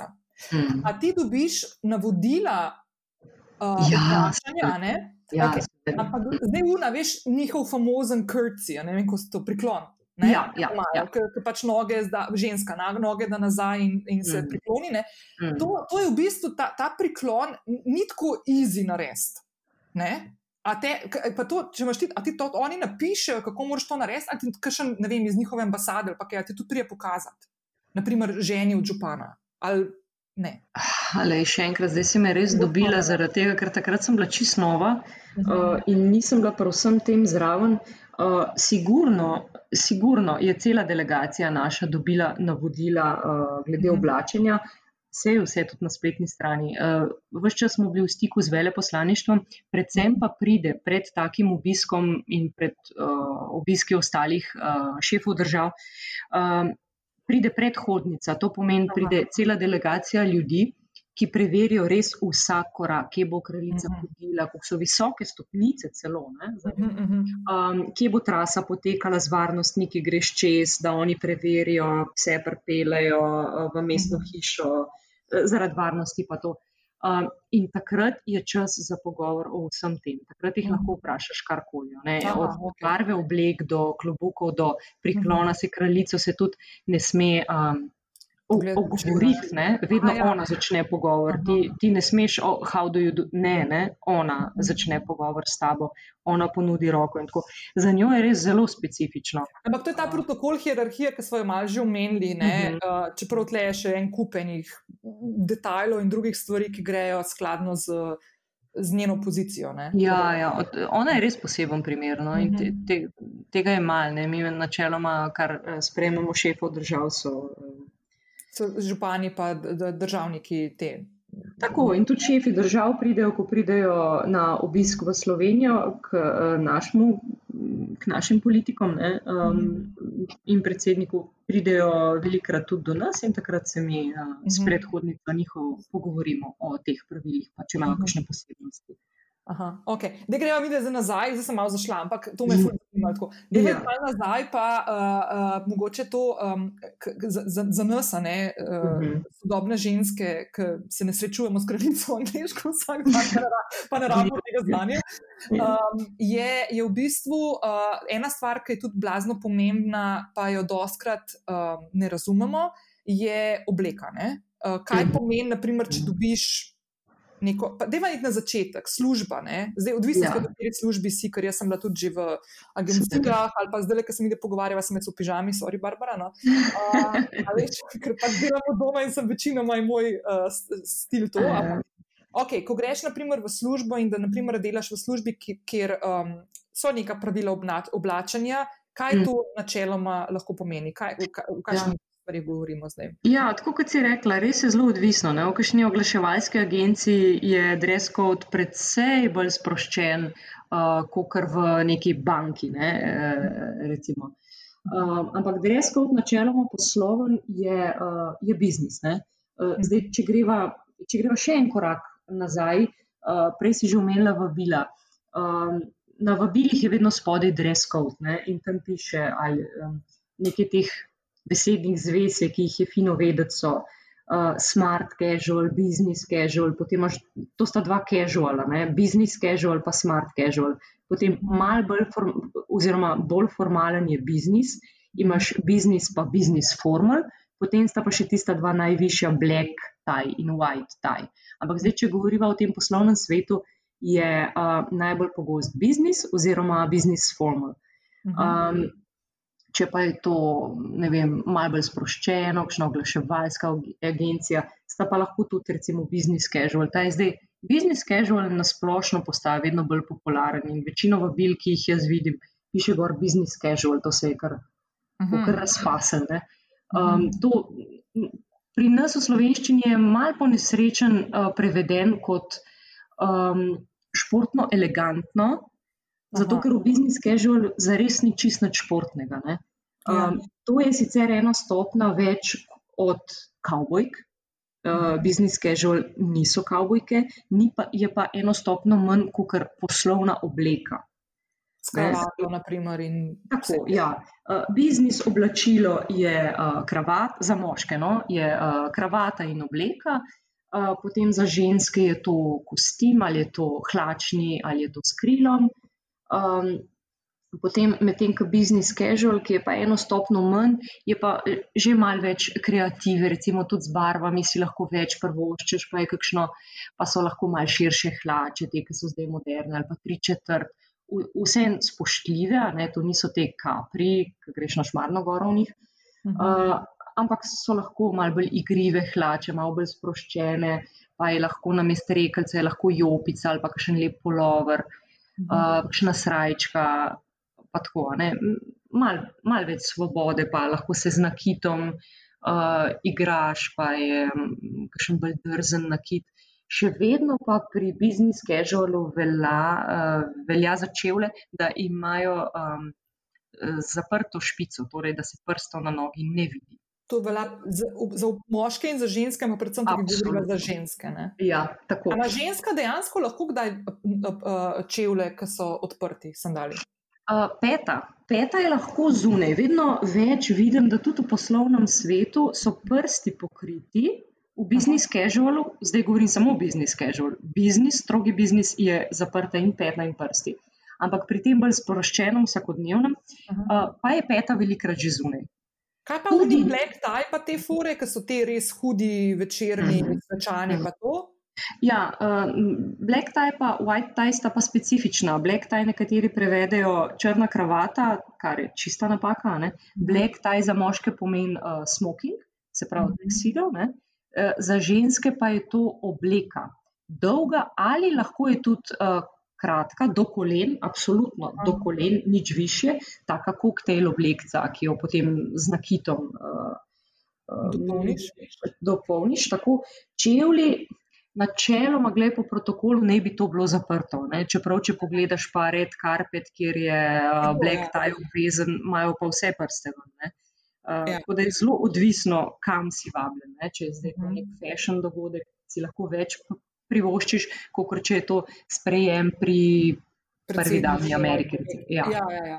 Okay, kaj pa white tie? Tega vredno white tie. Ja. To je pa res ta najvišji. To je pa recimo, če uh, pride uh, šef države, uh, recimo predsednik ne vem, Nemčije, pride k našemu predsedniku države na, uh, na, uh, na obisk in imajo večerni večerjo s sprejemom. Takrat je največkrat white tie, za moške to pomeni frak. Uh, za ženske pa to pomeni spet dolga večerna obleka z nakitom. Um, pogosto so lasje speti, okay, odvisno, kakšno frizuro imamo. Uh, pa rokavice, okay, rokavice se tudi uh, opuščajo, še posebej pri mlajših, ampak včasih je veljalo za white tie, da so rokavice uh, čez komovce tudi obvezne. Aha. Okay. Še eno stopno višji. Ampak zdaj ena stvar, mogoče, ki jaz ne vem, saj zase lahko rečem, da ne vem, kdaj bom naprimer, imela priliko, da grem na en black ali pa white tie, mm -hmm. pa rečva, rečva, da dobimo neko vabilo. Ne? Mm -hmm. um, Meni, kot osebo, ki sem se že um, ukvarjala z organizacijo dogodkov, je bilo vedno blazno pomembno, da ko pripravljaš neko, nek dogodek, je ta dogodek ima neko celoto. Tako kot se mi prej pogovarjali mm. na začetku, ko si povedala, kako izgleda, ko vi pripravljate, ko skrbite na vsak detajl. In ko nekdo, ki organizira dogodek, napiše pravila oblačenja, ne, in ti to dobiš na vabilo.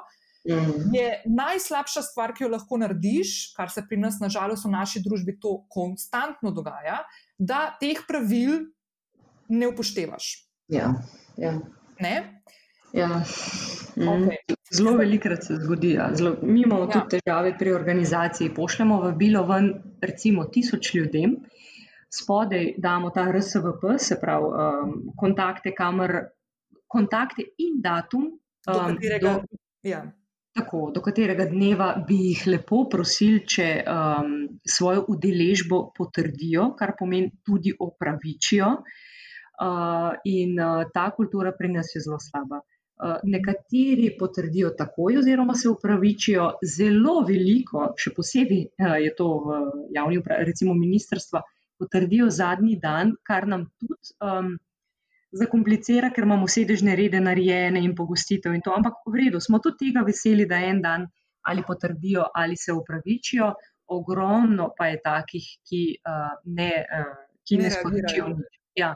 In ko imamo mi, recimo, končno število potrjenih 400, moramo računati, da je ne 200, jih bo prišlo še uh, nenapovedanih. Kar je zoprno potem v sedežnem redu, sej računamo na dodatne stole. Ampak, če pa potem zadnji trenutek pride vem, en, uh, en minister, recimo, ki, biti, uh, ki ima sedežni red in ki je v prvi vrsti, nam pa to res zaplete. Ne? Se imamo še neke dodatne stole za uh, prvo vrsto, ampak zelo, zelo nerodno. Ve, veliko pove o tem človeku, oziroma o, o odnosu, ki ga ima do, do, do drugih ljudi, konc koncev. Ja, ja. Vsak, ki je kdaj delal kakšen dogodek, ne glede na to, velik, majhen, pomemben, ne pomemben, se vseeno, pač, koga ti delaš, je mm. pač pomemben, ne, ker si upet v to. Uh, so take stvari, gled, začneš gledati na dogodke čisto na drugačen način in začneš spoštovati yeah. Ja. uh, ljudi, ki to pripravljajo in ki delajo. In ko dobiš neko vabilo, začneš razumeti, zakaj so določene stvari gor napisane, zakaj mm. so gor napisane stvari, da te prosijo. Ker konec koncev ne gre samo za sedežne rede. Ne? Gre tudi, naprimer, ko sem jaz vabila pošiljala novinarjem ne? in so rekli, da pridejo, in potem jih ni bilo, kar se tudi zgodi. Mm. Ampak se, se zalomi vsakemu, ni panike, se zgodi, ne pa da se to dogaja. Uh, je ena stvar, ki je še tukaj tudi drugače pomembna, je, da imaš ti tam konec koncev predvideno, koliko ljudi bo prišlo, imaš predvideno hrano in te stvari potem grejo v smeti. Da ne govorimo o tem, da se naredijo tudi stroški. Uh, ja. Tako da pač te stvari je treba upoštevati. Ok, zdaj, naprimer, kaj bi ti svetovala, ko naprimer dobiš vabilo. Mhm. In bi full rad šel, pa nisi siguren. Naprimer, bo vabilo ponovadi dobiš tam deset ali več dni vnaprej, ne? Mm. Za kakšno stvar gre tudi, lahko tudi več. Uh, in, naprimer, a, in, in nisi siguren, ali boš takrat v Sloveniji, boš takrat imel čas, nekaj se ti mogoče prekriva s kakšno stvarjo, pa ne veš, če boš lahko predstavil nek drug dogodek, ki je tudi za tebe pomemben. Kaj ti svetuješ, da bi se naredilo? A da se potrdi, ali da se počaka, da ko boš siguren? Uh, tudi klice dobimo, ko rečejo morda. Uh -huh. uh, in tudi to nam veliko pomeni, ker ga takrat razumemo kot da pride. Ampak, ko pa potem zadnji dan pokliče, pa reče: Prostite, ne bom mogel smo mu pa tudi hvaležni. Skozi smo računali, da ta človek pride in je boljše, da je kakšen stol uh, odveč, kot premalo. Jaz bi predlagala, da okay, če je do dogodka še deset dni, počakamo nekaj dni, pa ko je do dogodka en teden, pokličemo pa rečemo. Morda pridem, ne vem, če se mi bo nekaj še prikrival, vam bom javil en dan prej, potem pa, uh -huh. takoj ko zveste, pa, pa javite. Tudi tud, če je tri ure prej, se nekdo je um, od nas v pisarni ali pa je tajništvo, ki nam sporoči. Ne. Ja. Nek odziv damo od sebe. No, sigurno, odprto, neko... neko odprto, odkrito komunikacijo med, eh, se mi zdi, da je ful, ful pomembno. Okay, ja, ja. Mm. E, meni se zdi tako uh, amazing tole, kar so zdaj dali, tako da imam par vprašanj. Še, a sem ti rekel, da se bomo ful zaklepetali? Um, jaz imam še par vprašanj takih, ki so tako bolj vezani na tebe. Um, okay. In sicer me zanima, na kaj si v življenju tako najbolj ponosna? Pa je lahko to osebno ali pa poslovno, kaj je v nas stvar, ki ti prva pade na pamet? Ha, težko vprašanje. Zdaj si um, razmišljaš. ja, zdaj si bom pa čas vzela. uh, okay, lahko, lahko ti dam enega službenega, pa enega, pa enega, uh, pa enega čisto nasplošnega. Uh, recimo službeno, službeno ki smo prej omenjali, slavnostno sejo. Na ta dogodek se velikokrat spomnim. Um, spet, sem, spet sem dobila odr in budžet, uh, nared program, bila je 70. obletnica osvoboditve, pomemben menik, ne velik. Um, mislim, da takrat je tudi naše vodstvo bilo v pričakovanju, takrat se je kar veliko pričakoval. Um, zelo veliko gostov nam je uh, potrdil, uh, tudi pomembnih, in se je pričakoval, da bo rdeča nit na, na to temo. Um, in uh, sem, sem nekako pri srcu, mi je, mi je bila tudi ta obletnica, uh, takrat je bila še moja draga babi. Uh, živa, ona je bila partizanka, veliko teh zgodb, uh, njenih sem poslušala. Um, vedno so me te zgodbe fascinirale, že odnegdaj. Um, in, uh, in takrat sem se odločila, da bo na odru recitacija. Recitacija ene uh, pesmi, uh, Mama o sinu Partizanu. Ta pesem je govorila o tem, uh, kako je mama sina zgubila, um, kako so ga ubili v Nemci. In ko je to zvedla, ga je šla iskat. In je iskala in iskala njegove ostanke, je potem le našla, jih pospravila v pesmi, je pisala v popotno to, torbo in uh, jih odnesla k sebi domov, kjer ga je uh, pokopala na, na domačih tleh. Um, zelo močna pesem, in želela sem recitacijo.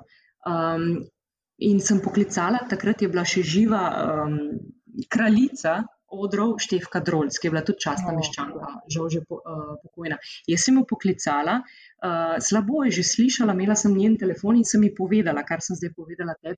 In rekla je, jaz bi pa to prav z veseljem. Seveda ni imela maila, SMS, ni, ni znala in sem ji po pošti poslala to pesem na kar me je čez nekaj dni poklicala in rekla, da ji bo v čast recitirati to pisem. Do, do slavnostne se je, je bil še še en mesec, sem rekla, super, vi se kar lepo pripravite, sem počaščena, če boste karkoli rabili, pa me pokličite.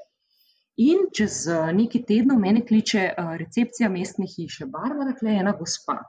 Jaz, kašna gospa? Ja, gospa, ki govori o eni barbari, pa ni znala primka, pa sem se na tebe spomnila, sem rekla, neč pridem jaz do tja. Se je rekla, da je ti eno kavo, a je to starejša gospa, je, ja, da je ti eno kavo, pridem takoj, laufam tja in tam števka drolc s palco. Ja, kaj pa vi kle počnete in reče, ja, Barbara, jaz sem pa zgubila vaš telefon, pa sem vas želela še par stvari o tej pesmi vprašati, pa sem kar prišla v mestno hišo. No, skratka, spijeva tam kavico, mislim, ne. Res je en tak močen čustven trenutek je bil. Zače, začela me nekaj sprašovati o pesmi, pa kdo je to napisal, pa kako čudovita pesnica je to bila. Jaz sem rekla, da bi to ena Marija napisala v redu. Uh, in slavnostna seja, ona to odrecitira, to je bilo napetost v tem šotoru, bi lahko rezal. To je bila čista tišina in števka drol s tem milim obrazom. Odrecitira to pesem, jaz pogledam po publiki, prva vrsta, Solze so si brisali, seveda tudi zadnji. Mislim, to je bil en tako čustven moment.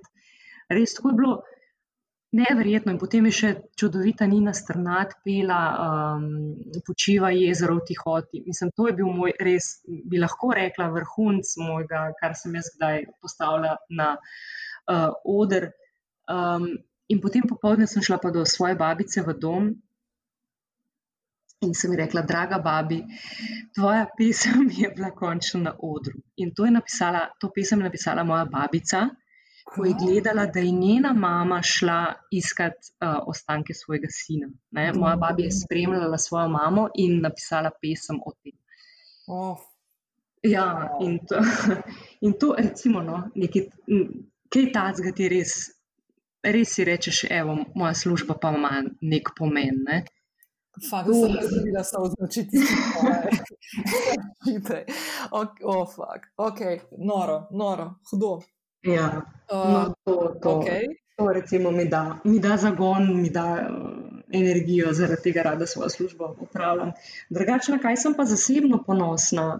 Jaz mislim, da nasplošno na to, da sem našla svoje poslanstvo. Jaz imam rada svojo službo, v bistvu ne glede na to, kje sem sploh zaposlena. Jaz sem našla svoj za, zakaj in uživam v tem, da ljudje v določeni situaciji se pač počutijo prijetno. Ne? Da jih vodim skozi protokol lahkotno, da doživijo eno lepo izkušnjo, da izvabim tudi jaz iz njih čustva, tako kot je takrat na slavnostni seji, te soze. Mislim, se jih nisem hotela užalostiti, ampak se, to je bila neka ganjenost. Ne? Mm. Um, ne, to je tisto, da se zapomniš enega dogodka, da ni samo eden od dogodkov, na katerih si lahko biti, pa se pokaže. Ja, ja valjda. Um, ok, okay deva tako, sem te hodila zdaj malo v porazih vprašati, ampak v bistvu so že mhm. malce teh stvari dotaknili, ne glih porazov, ampak tega, kako se v bistvu tudi skozi napake učiš in, in potem mhm. postajaš v bistvu fulbol, tudi konc koncev fleksibilen. Ja. Torej, dopuščaš neko spontanost, zato ker veš, da si že toliko izkušen dol v življenju mm. skozi, da veš, da se znajdeš v praktično vsaki situaciji. Ja, ja, mogoče veš skozi čas tudi, pa še posebej, če ti gre dobro, dobiš še nož v hrbet. Ne? Neka, nekateri, eh, nekateri v tvojem poslovnem okolju. Ti čestitajo, pa so veseli za tebe, spet drugi so pa nevoščljivi, se to je v nas neka lastnost. Ne? Zdaj, ko kar znaš ti to brzdati, je, stvar posameznika, ampak skozi leta se naučiš imeti trdo kožo, ne? ta mhm. polena pod noge, pa upravljanja. Jaz to vse skupaj jemljem kot en kompliment, ker si rečem, da nekomu sem pa, um, sem pa trn v peti, se pravi, delam nekaj dobrega. Ne? Zdaj, če bi bila samo povprečna, ne bi verjetno nikomor. Uh, Blav na poto. Um, to ne bi bilo opazno, to meni ne bi bilo opazno. Tako. tako. Ja, ja. Z leti dobiš trdo kožo, se, se v bistvu lahko. Pa tudi ne fokusiraš se več na te stvari, pa ti ne pride do živega. Si misliš, da ti je odbijajo. Ja, ja, točno. Ja. Ja. ja, ko ti enkrat veš, kaj delaš, pa zakaj delaš, pa ko hodiš po neki uni tvoji poti, ki te izpopolnjuje in si zadovoljna v njej, in to, uh, da te stvari sploh več ne. ne. Mm -hmm. mm. Ja. Um, ok, da mi zdaj še za čist na konc povej. Um, če imaš kakšno tako rutino jutranjo, ali pa ne vem, mogoče če že zvečer, kakšno stvar narediš, da se pa pripraviš na naslednji dan. Um, a je kakšna taka posebna stvar, ki jo tako počneš? Z, ja, tu večerne rutine niti ne. Mislim, padam v poslo, odkar imam sina, je z lahkoto zaspim. zato ker se zmatram že čez dan. Uh, Drugače, jutranje rutine sem jih pa že prej malo omenila. To je uh mhm. -huh. sigurno. Verižica, ne? Verižica, moja najdragocenejša, uh, topla verižica, ki jo vsako jutro dobimo okrog vratu in uh, si res vzamem čas, da se zjutraj uh, pocrklava. Ne, sem ga iz svoje poslo, uh, po, uh, iz uh, njegove posle, ga ne sem v svojo poslo, ali pa če sam takole pršiba že zjutraj in takrat si vzameva uh, čas. Um, zato sem tudi zajtrke in make-up preselila kar v pisarno, ker mi je tako dragocen čas zjutraj s sinom, potem ga mož odpelje v vrtec, jaz s kolesom šibam v pisarno, pa se pa začne ta moja solo rutina z, z veseljem. Um, pojem zajtrk lepo v miru, poslušam tvoj podcast ali pa kakšno glasbo. Um, Ti me tako veliko vprašaš, ko pride je petek, tako, ej, se bo že tako zjutraj. ja, in apeliram, lepo prosim, da to objaviš ob sedmih, ker jaz takrat začnem make-up in zajtrk.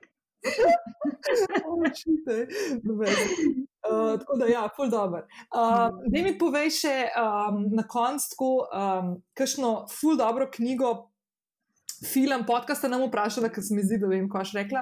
To, ja, je tako. Ja. Ali pa to serijo, veš? Uh, uh -huh. Aha, ker sem. Primer, ja. Ja, ja, ker sem nova Netflix.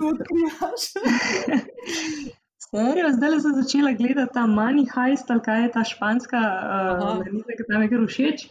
Um, kjer se še spomnim, recimo The Morning Show mi je bil kar kul, cool, no, tako. Aha, hudo.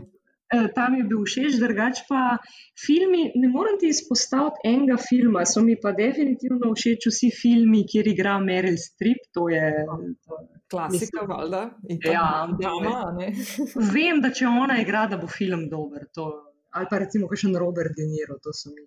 Spet Aha. mi gre bolj tako, kot sem uh, svojo novo uh, službo zbirala na podlagi tega, za koga bom delala. Zbiram filme na podlagi tega, kdo igra. Uh, Um, knjigo, pa, knjigo pa, ok, če bi lahko zbrala eno knjigo, ki je vedno v torbici, bi si izbrala Učbenik življenja od Martina Kojca, to je taka moja psihoterapija na poti. Okay. Um, kaj sem pa nazaj, nazaj, zdaj imam pa na nočni umarci uh, knjigo Raising Kane, to je o vzgoji uh, fantov, prav, prav fantov, ne otrok, ampak eh, specifično fantov, zaradi tega, eh, ker bi rada v bistvu razumela svojega sina, Oskarja, ker to je res je to drug svet, ne? moški, uh -huh. že odkar se rodijo, so precej različni od žensk. Um, in so mi stvari, ki jih tam preberem, res uh, fascinantne, preizkusem jih v praksi. Um, kar me je ta knjiga naučila, je, da se punčke rodijo z eno sigurnostjo, da so ljubljene in da si zaslužijo prostora na tem svetu, medtem ko fantki pa ne in rabijo um, od rane mladosti uh, več, uh, več topline, več nežnosti, um, več občutka sigurnosti, uh, da so enakopravni, da so uh, sprijeti. Um, In eh, kar, kar so naredile mogoče prejšnje generacije, da so fantom, ki so že začeli hoditi, pa se pogovarjati, rekli: O, zdaj si pa že velik fan, zdaj pa ne smeš jokati, ne? a si vlado, a te boli, to bori se, bodi močan, ne, ne se držati mamice. Fantki ne jokajo, ne? Tako, fantki ne jokajo, ne bi zdaj neki mehkužen. In, in oni niso dobili tega občutka varnosti. Na vzven sicer postanejo trdni ne, in ne jokajo, na vznoter pa, pa trpijo. Ne. In so mm. potem v adolescenci in v odraslosti se dokazujejo sami sebi in, svet, in svetu. Vse, vsaka ženska pozna kakšnega moškega, ki se šopir, pa mora biti avto, pa motor, pa moč, pa on gazi druge, pa tekmuje. Ali, ali pa roko stisne na 14. No, ali pa to. No, ali ja. pa to Mislim, tak moški, ki ti stisne tako roko, lahko veš, da ko je bil star štiri leta, mu mama ni pustila, da se zjoka. ja, ja, ja. Ja, to je zdaj opazovanje skozi neke druge stvari, moč, pa, ja. pomembnost, pa tako na ego. Tako, ja. tako, tako. tako da jaz vem, da, da, da s tem, ko, um, ko sem prebrala to knjigo, imam precej znanja o tem. Jaz zdaj bolj razumem svojega sina in mu dam to, kar potrebuje, da dobi to sigurnost, da potem, ko pa je med prijateljčki v vrtu, je pa car, ne? ampak ni pa mu mhm. treba uh, stiskati rok. Ej, meni se zdi tako full amazing, kar si zdaj rekla. In eno od lepših, to full ponavljam, to zdaj sem že kar mal, eno od lepših daril, ki jih lahko mojem daš samo otroku. No. Ker jaz sem ja. gledala svojega nečaka in moja sestrica na podoben način razmišlja in, in vidim, mm. kako je v bistvu drugače. In kako je v bistvu zanimivo, kako se stvari pol uh, v kasnejšem življenju, kako so se obrnile, kako smo ženske konstantno, vsaj najna generacija, ne vedno imamo občutek, da nismo bile dovolj ljubljene ali da nam je to manjkalo, da nikoli ni bilo dovolj dobro, da bi bilo lahko še boljš. Pa, mm, pa to mm. ne, moški so bili pa tako, jo, valdo, jaz, tle, jaz sodim v to sobo, mi smo se pa vedno počutili, jaz pa, pa se moram posebej dokazovati, da bom lahko v tej sobi ja. sedela. Ja. In, kaj še, in kaj je še dodana vrednost tega, da, da si nežen z, otro, z fantom od rane mladosti, je, da se bo tak odnos, ki ga imam jaz do njega, tak odnos bo on imel s svojo partnerko v življenju in ga naučim, kako biti nežen do ženske, ker tudi, tudi tega primankuje ne, našim sodobnim moškim. Uh, da bo vzga, treba je vzgojiti fante, da bodo znali ravnati pravilno s svojimi ženskami. Mhm. Zelo dragoceno. In sodelavkami, in z podizvajalkami, in tako naprej. Ja. Mislim, da gre, za, gre za to, da v bistvu delaš, da, delaš, v bistvu, da, da, da sooblikuješ enega zdravega uh, človeka, dobrega človeka z dobrimi vrednotami, ki ga ne bo strah pokazati svoje šibkosti, zato ker bo vedel, da to ni stvar, na kateri se bojo spotikali ljudje in iskali, kje ga lahko ranijo, ampak da bojo videli, da je v bistvu človek. Tako. Točno. To je še ena tema, o kateri se mi je ful veliko pogovarjal in sem ful vesela. Uh, Mm. tako da. Ej, Barbara, jaz sem ful, ful, ful vesela, da smo se eh, dobili tako in poklepetali in sem ful stvari izvedela na novo. Ful mi, je, ful mi je bilo prijetno, kljub temu, da te poznam. In ful sem vesela, da si ti ena od oseb, ki si razbila to, kar smo se prej pogovarjali o prvem vtisu pri meni. Ker Mhm. moj prvi vtis, eni od drugih, je bil izredno slab. Uh, in smo si dokazali, da dejansko prvi vtis lahko spremenimo. Uh, tako da uh, je, pa vsem je pa vsem pomembno, da te stvari, ki smo se danes pogovarjali, vse ima, imamo v mislih in vza- vzamemo v zakup, ko se predstavljamo na novo, kakšnim ljudem uh, v življenju, da vemo, s kakšnimi odločitvami, uh, gestikulacijo, mimikami delamo, delamo veliko komuniciramo. No, tako reči. Tako da, Tako, tako. Ej, super, tudi meni je bilo prav prijetno, tako kot vedno s tabo klepetati. Uh, hvala ti res za povabilo. Um, upam, da je komu kaj pr prav prišlo. sigurno. Če ima pa kdo kadarkoli kakšno vprašanje o protokolu, jaz sem tukaj z veseljem, z veseljem priskočim. In Barbari bom jaz polinkala vse stvari. Barbara lahko tudi na Instagramu najdete od lanskega leta, ne? Ja, thanks to you. Ja, tako da tega prišlo pa res v tistem videu na spletni strani, tako da tja skočite, tudi o tem govoriva, pa o tem, kako smo se spoznali, pa ne imeli radi. Tako.